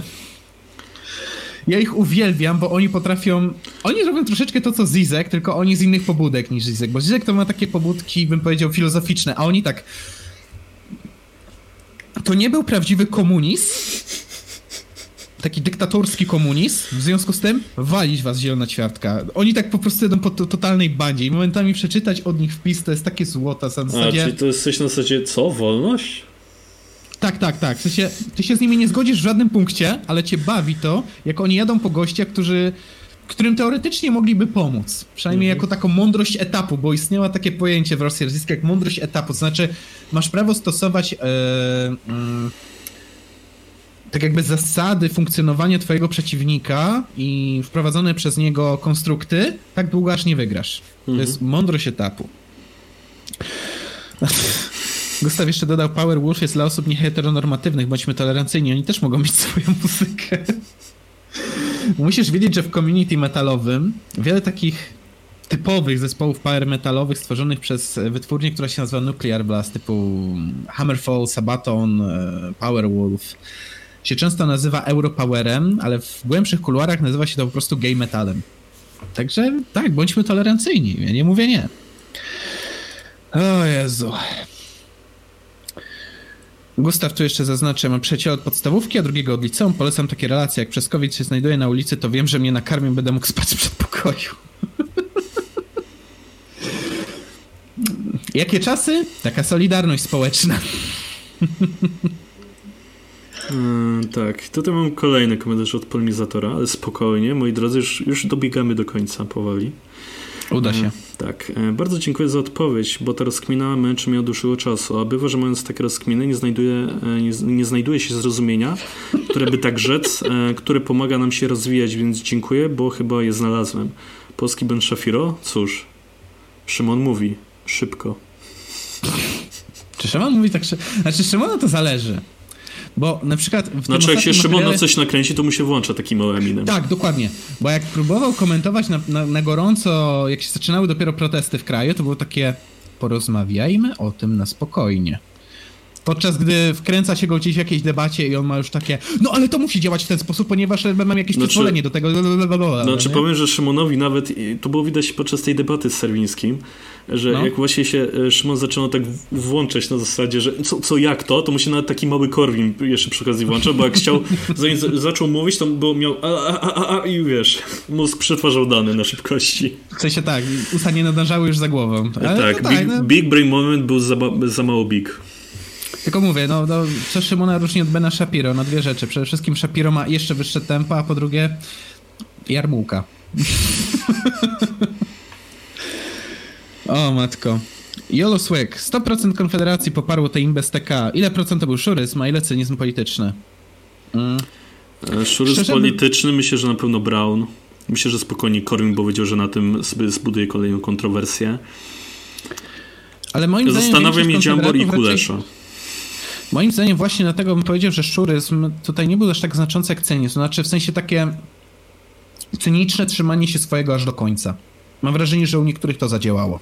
Tak, i nagle ups, nie zadziałało. Co mamy robić, pani Dziambor? I wtedy już było o wiele za późno, żeby zawrócić z tej drogi. Tak, a Mencen? Co? Nie, nie, nie zrobicie tak, wyjdę z partii. Znaczy nie, no nie, że wyjdę w partii, tylko on ogłosił, że się z nim nie zgadza, ale tak, no. to było niezłe. E, dobra. Jeszcze jedno pytanko Gustawa. A propos alternatywy. Znacie może jakieś zespoły takie jak Negative XP, znany triggerującego lewicę utworu World Reigned, A Whole Generation of Women i Tsunami Ruined, A Whole Generation of Men Children, która jest parodią wcześniejszej piosenki, bo lewicy nie wychodziło parodiowanie Life's an RPG and I fucked up my build. Znaczy nie znam tego zespołu, ale i ogólnie w muzyce jak powiem tak, może to jest trochę domena artystów, ale w muzyce, jeśli mam się spotykać raczej z jakąś, w cudzysłowie, ideologią, to raczej z lewicową. E, tak, i Gustaw w komentarzu wyżej jakby to pisał resztę.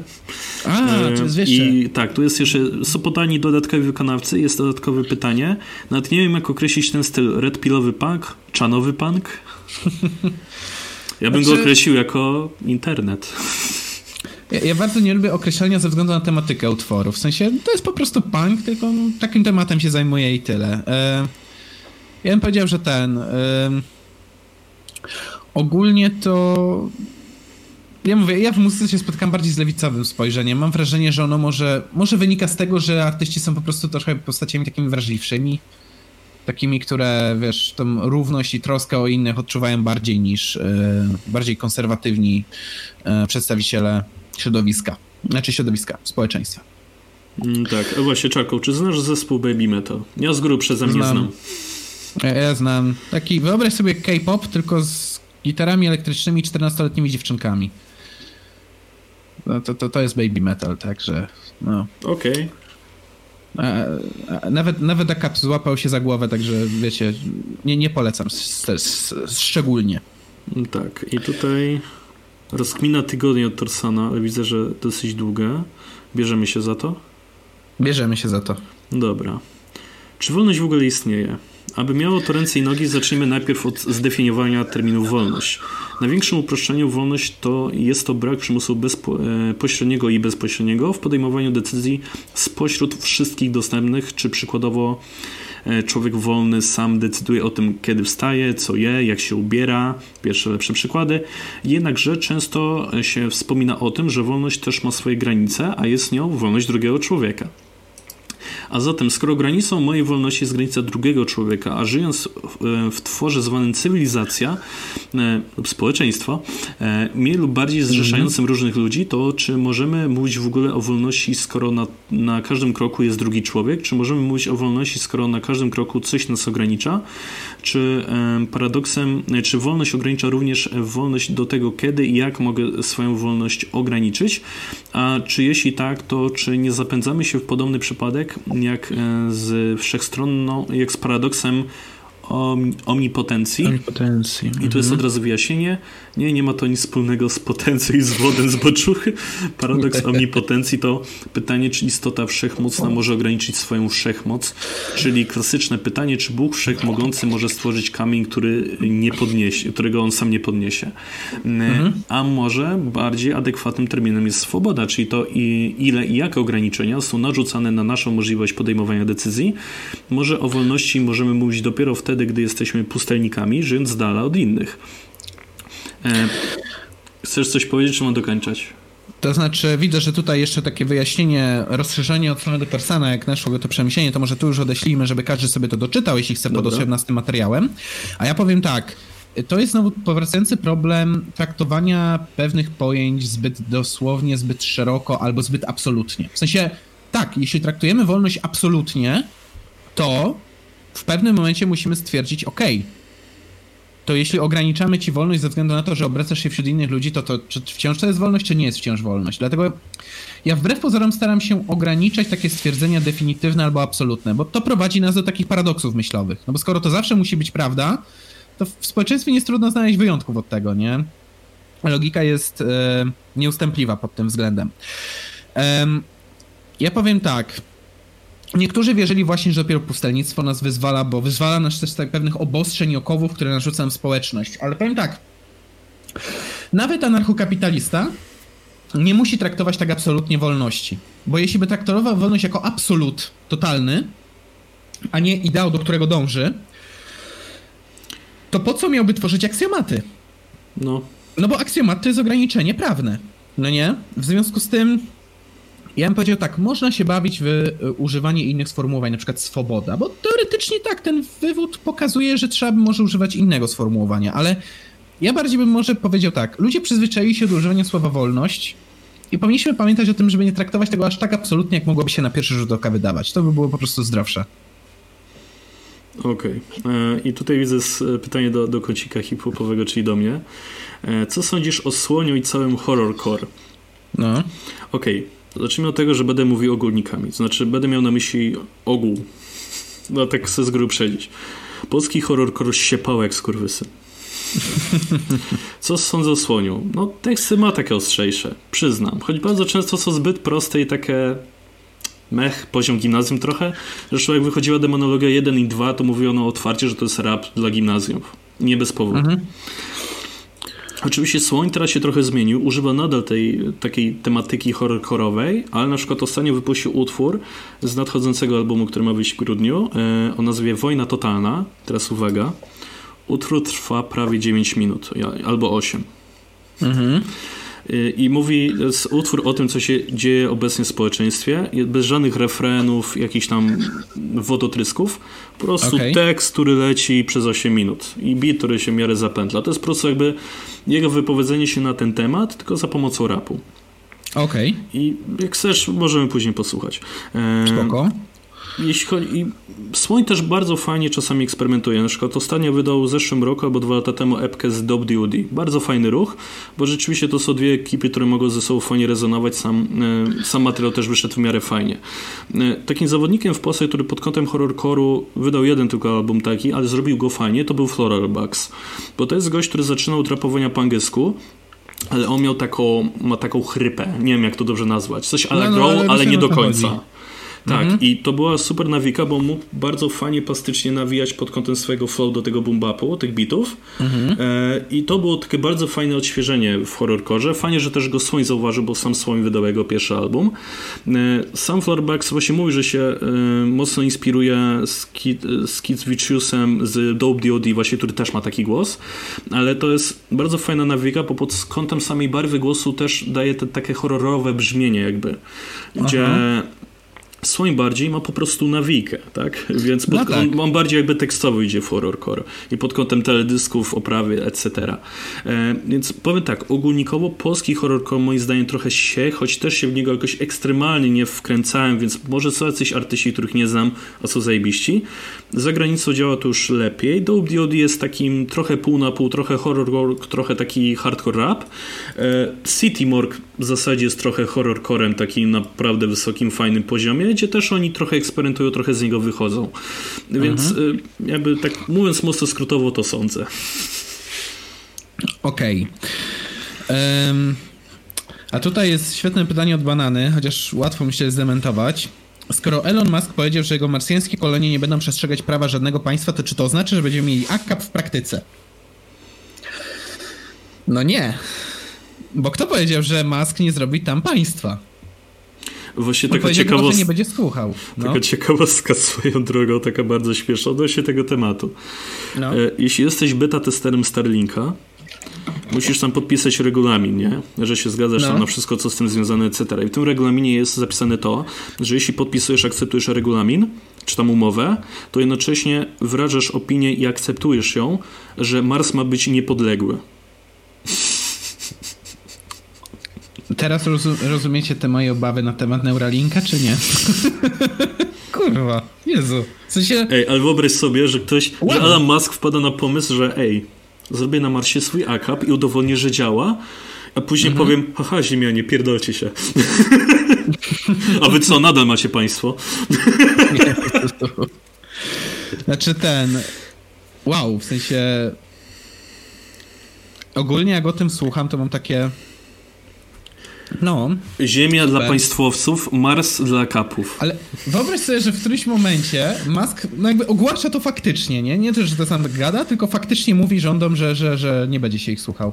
Rządy się wkurzają, a on przedstawia, wiesz, tam powiedzmy paręset tysięcy podpisów ludzi, którzy zgodzili się na to, żeby tak było i że to jest jego uzasadnienie. A ci e, ludzie, Aneksja moment, Marsa. Co się stało? Właśnie, jakby wyegzekwować od niego Ej, coś takiego. W sensie on na kolonie, nie Ale z akapowego punktu widzenia Mars mógłby być akapem, bo z akapowego punktu widzenia, jeśli wykonasz pracę na danej ziemi, to ta ziemia staje się twoją. Jeśli wcześniej no była tak. niczyja. Mars tak. obecnie no, jest niczyi. Więc jeśli tak. Mars tam przyjedzie, zacznie tworzyć swoje struktury, de facto tworzy swój prywatny akap. Ej. Chociaż, chociaż. Jest najbardziej inteligentny anarchokapitalista, jaki chodzi po tej ziemi. Chociaż musisz pamiętać o jednym, że w przestrzeni kosmicznej działa znaczy, nie jestem pewny dokładnie, ale z tego co pamiętam działa taki przepis ala międzynarodowe prawo morskie o tym, że nikt nie posiada tych terytoriów w przestrzeni kosmicznej, że nie można posiadać w przestrzeni kosmicznej, więc... Ja, ja ta... myślę, że jakby Musk coś tam stworzył i stwierdził, musi się użyć mojej technologii, żeby do mnie dotrzeć na tego Marsa, więc w sumie mogę robić tak, co tak, chcę. Tak. tak, ja się zgadzam, tylko mi chodzi o to, że wciąż będzie technicznie istniał kazus belli wobec niego. Tylko nie będzie do wyegzekwowania, no bo że tak powiem, Ej, wyobraź sobie, że wtedy Musk e, niczym no? słowim Mencen pisze XD na Twitterze i cały świat szaleje. Tak, chiński rząd, ej, oddaj nam kasę, a on odpisuje XD. XD. Tak, tak, to się może stać, tak. A o później ma w opisie CEO of Mars. CEO of Mars, memelover, tak. Tak. Michał Boński to jeszcze pisze. Mm, czy coś? Tak, to jest też ja odniesienie do jakiegoś fragmentu. Tak. E, ja tam zacząłem od zrobienia sobie dziecka i muszę przyznać, że to pierwsze, dopiero, e, że po pierwsze dopiero teraz załapałem, co to jest szczęście. Przy okazji nauczyłem się lepiej organizować swój czas, zyskałem motywację do rozwoju, a już całkiem na boku zauważyłem, że schudłem. Co się moja waga trzeszczy tylko trochę mniej, nieustanny grube life matter, ale po mojej twarzy widać, że jest mniej tego tłuszczu. A to, że, a, a że trochę mniej hajsu mi zostaje i tak jestem w stanie oszczędzać, a dzieciak to pewna inwestycja i nie, nie sprzedaje. Ach, szkoda. No cóż, w takim razie mogę jedynie pogratulować dzieciaka i powiedzieć. E, wiesz, słyszałem ostatnio w ogóle taką opinię od jednej osoby. Ja się nawet z tym zgadzam, że dzisiaj się mocno nie docenia wartości dzieci w życiu. W sensie. Znaczy, ja mogę, rozumiem, trochę, takie... mogę hmm? trochę to przyznać z perspektywy bycia bratem e, e, mojego brata, który jest 15 lat ode mnie młodszy rzeczywiście jak jestem w domu i coś tam robię z tym bratem, to tak e, mi jest tak cieplej na serduszku, więc e, co, coś w tym jest. Odnośnie mhm. chudnięcia, e, ja zacząłem biegać ostatnio, w końcu regularnie co dwa tak. dni robię sobie 3 km z hakiem, więc to wiem, że na podcaście zaczniecie widzieć jak powoli chudnę, jeśli to rzeczywiście zadziała. De facto robię trochę jak Gąciarz. Zawsze mnie trochę tata do tego tak ostatecznie nakłonił, bo już tak próbuję od kilku lat. Ale Gąciarz też miał coś w stylu, no ja nie wierzę w te bieganie, więc wiecie co, zacznę biegać, zobaczymy czy zadziała. No i, no i zadziałało. Więc mhm. zobaczymy, jak będzie u mnie. No, trzeba dać temu trochę czasu i wiadomo. Dobra, już się zbliżamy niemal do końca. Ostatnia prosta. E, ostatnia prosta. Trzy komentarze. E, czy polecacie, e, Power Potato 99 pyta, czy polecamy jakieś książki na temat ekonomii, finansów czy gospodarki, tak abym mógł jak najbardziej świadomie obserwować, co się dzieje w kraju i na świecie, bez konieczności studiów ekonomicznych. A może jakiś podcast, kanał na YouTube godny polecenia poza wami? E, to tak, jeśli chodzi ekonomia. o książki, e, to chyba ekonomia w jednej lekcji jest chyba takim spoko zaczątkiem. Tak. Bardzo spoko. Jest ludzkie działanie w formie audiobooka, jakbyś chciał za darmo na stronie Misesa. Może coś tam cię, coś tam prowadzi. Ja, ja sam go nie słuchałem, więc jeszcze się nie mogę odnieść. Finanse i inwestycje to bym chyba sugerował może coś od tego. Yy, jak się nazywał ten gość? Yy, Ten, który właśnie te książki za miliony sprzedaje. Szafrański. To e, ten, o którym mówiłem właśnie. przez cały czas. No, dokładnie. Także tak, no, Michał Szafrański tak, wydał książkę właśnie Finansowy Ninja. Nie mogę polecić, bo jeszcze nie czytałem, ale jest dużo bardzo pozytywnych opinii, że ludzie dużo lepiej zarządzają swoimi finansami, więc e, chyba tak ogólnikowo można polecić. Mhm. E, jeśli, chodzi o roz, jeśli chodzi o tematy związane z rozwojem ekonomii, jakimś rozumieniem tego, co się dzieje na świecie i nie tylko, to tak, e, podcasty Szafrańskiego mogę stuprocentowo polecić. Rozmawia z różnego rodzaju przedsiębiorcami, czasami sam prowadzi, na, na przykład no raz tłumaczył, jak dojść do tego, żeby być milionerem, w jaki sposób, taki clickbaitowy tytuł trochę zrobił, ale dokładnie wytłumaczyć swoją ścieżkę. Mhm. Mogę bardzo polecić właśnie Wolność w remoncie, który jest na kanale Warsaw Enterprise Institute, który prowadzi Tomek Wrublewski. E, pan Tomasz super prowadzi te podcasty od strony między innymi ekonomicznej, tłumaczy co się dzieje na świecie i się świetnie tego słucha i trochę łatwiej zrozumieć co się dzieje i dlaczego, bo on też robi dużo odniesień do różnego rodzaju książek czy, czy jakichś odniesień historycznych. Mm, więc to też mogę na pewno polecić, ale książki typowo ekonomiczne to już tobie zostawię. Znaczy, powiem tak, no, jeśli nie chce ktoś się przesadnie komplikować, no to ekonomię na jednej lekcji Jeśli ktoś chciałby poznać jakąś podstawę, powiedzmy, współczesnej mikro i makroekonomii, no, no, no mógłby sam przeczytać coś takiego bardziej keynesowskiego czy klasycznego, ale to są często ciężkie książki do zrozumienia, typu Mikro i makroekonomia Samuelsona. To jest bardzo ciężka książka, więc ja bym chyba został przy tym, bo prawda jest taka, że o ekonomii, no żeby zostać prawdziwym ekspertem, faktycznie trzeba troszeczkę się naczytać. Ale żeby tak bez studiów ekonomicznych, to myślę, że to naprawdę i tak daje niezłą podstawę na sam początek, a jeśli chodzi o kanały na YouTubie, no to prostą ekonomię bym jeszcze polecił, o, właśnie, bo tam tak, tak. faktycznie tak. jest to fajnie wykładane. E, tak, to są Dobra. bardzo fajne animacje i super jest to tłumaczenie. Zapomniałem tak, oni, bo oni już tak rzadko publikują, że tak, tak, to dopóki prawda. nie ma nowego ale... filmu, to ja nie pamiętam o nich właściwie. Ale to jest super kopalnie kontentu pod tym kątem, że możesz sobie wrócić do starych materiałów, wciąż są aktualne. Tak. Dobra, Jakub Olek pyta, e, czy wsparcie kogoś na Patronite, czy wspierając kogoś na Patronite można siebie nazwać mecenasem. Mecenatem. Mecenatem, ale chyba chodziło o mecenasem, ale no, no nieważne. Już wiesz. E, znaczy nie, mecenatem, dobrze, co ja gadam. Mecenas to jest w sądzie. Dobra. E, no czy można? No, można jak najbardziej. Jeszcze jak. No i zachęcamy do tego, żeby nas wesprzeć na Patronite. Oczywiście. Patronu mamy już coraz więcej. Zbieramy w pierwszej kolejności na mikrofony, żeby mnie i Czarkę było jakoś tak normalniej słychać. Zwłaszcza mnie, bo ja mam mikrofon za 200 zł sakiem, a Czarek za, za dużo więcej. Więc y, jak już y, ogarniemy profesjonalizację mikrofonu, to myślę, że już będzie super. Będziemy szli po prostu dalej, żeby robić coraz lepszy content. Dokładnie. No i ostatnie, ostatni komentarz jest, udało nam się, dotarliśmy do tego momentu Milkman. Obejrzałem sobie raport Komisji Smoleńskiej, ciekawi mnie, czemu to nie jest podane do publicznej wiadomości, skoro tak tam jeżdżą po Komisji Millera i Rosjanach zamachowcach. No czemu? Bo to niewygodne politycznie. Pamiętajmy, kto prowadził tę komisję, pamiętajmy, komu zależało na publikacji jej wyników, a jak pamiętajmy, się okazało, że to nie takie, to nie. E, pamiętajmy, ile nam trwało ściągnięcie wraku, polskiego wraku z Rosji do Polski. I że i tak prawdopodobnie nie dostaliśmy jakichś różnego rodzaju rzeczy. Pamiętajmy, jak długo trwało dostanie kopii e, czarnych skrzynek tak. z tego samolotu z Rosji, gdzie prawdopodobnie też coś wycięto. Innymi słowy, możemy powiedzieć tak. Nie upubliczniasz czegoś, jak się tego zwyczajnie wstydzisz. Tak, y, to znaczy myślę, że jak minie 50-70 lat, to ktoś to w końcu publicznie na zasadzie, no co już to nam co zrobi, jesteśmy zupełnie innym poli y, pokoleniem polityków. Dokładnie, także powiem tak. Tak jak e, ostatnio kwestia... Ten FBI mhm. chyba podejrzewa, bo CIA opublikował te raporty odnośnie UFO. No już minęło tyle czasu, że mogli. Tak, w sensie... Bo ten boom już minął tak bardziej naprawdę. O Bardziej chodzi o to, żeby nie powodować jakiegoś ospierdzielu i nie przyznawać się teraz politycznie tak. do porażki jakiejś. Dobra. No to udało się. Komentarze skończone, wszystko odpowiedziane. Za tydzień, za tydzień szykujemy coś specjalnego w ramach podcastu, ale to tylko zatizuję, żeby nie dawać za dużo detali, ale jest na co czekać. Mm. Czy jeszcze coś warto dodać, że warto nas posłuchać na innych platformach, na SoundCloudzie, Spotify'u, Apple, Google, na to było Music, EMI Audio czy co? A Patronite Audio i to, co ogarniamy Patronite ostatnio, Audio. jeszcze nie zostało dopięte, bo nie ma żadnej informacji, więc to ewentualnie zapowiemy albo za tydzień, albo za dwa. Jak dostanę feedback po prostu. Dokładnie, jak już dostaniemy potwierdzenie, wtedy będzie można walnąć bombą. Um, póki co zaś co, no dziękujemy pięknie za wysłuchanie, zachęcamy już do zadawania nowych, świeżutkich pytań na bieżąco. Oczywiście jak ktoś chce być poza kolejką, zachęcamy do wsparcia nas na Patronite. Um, Tak, Czy to tak, coś jeszcze do e, dodania warto?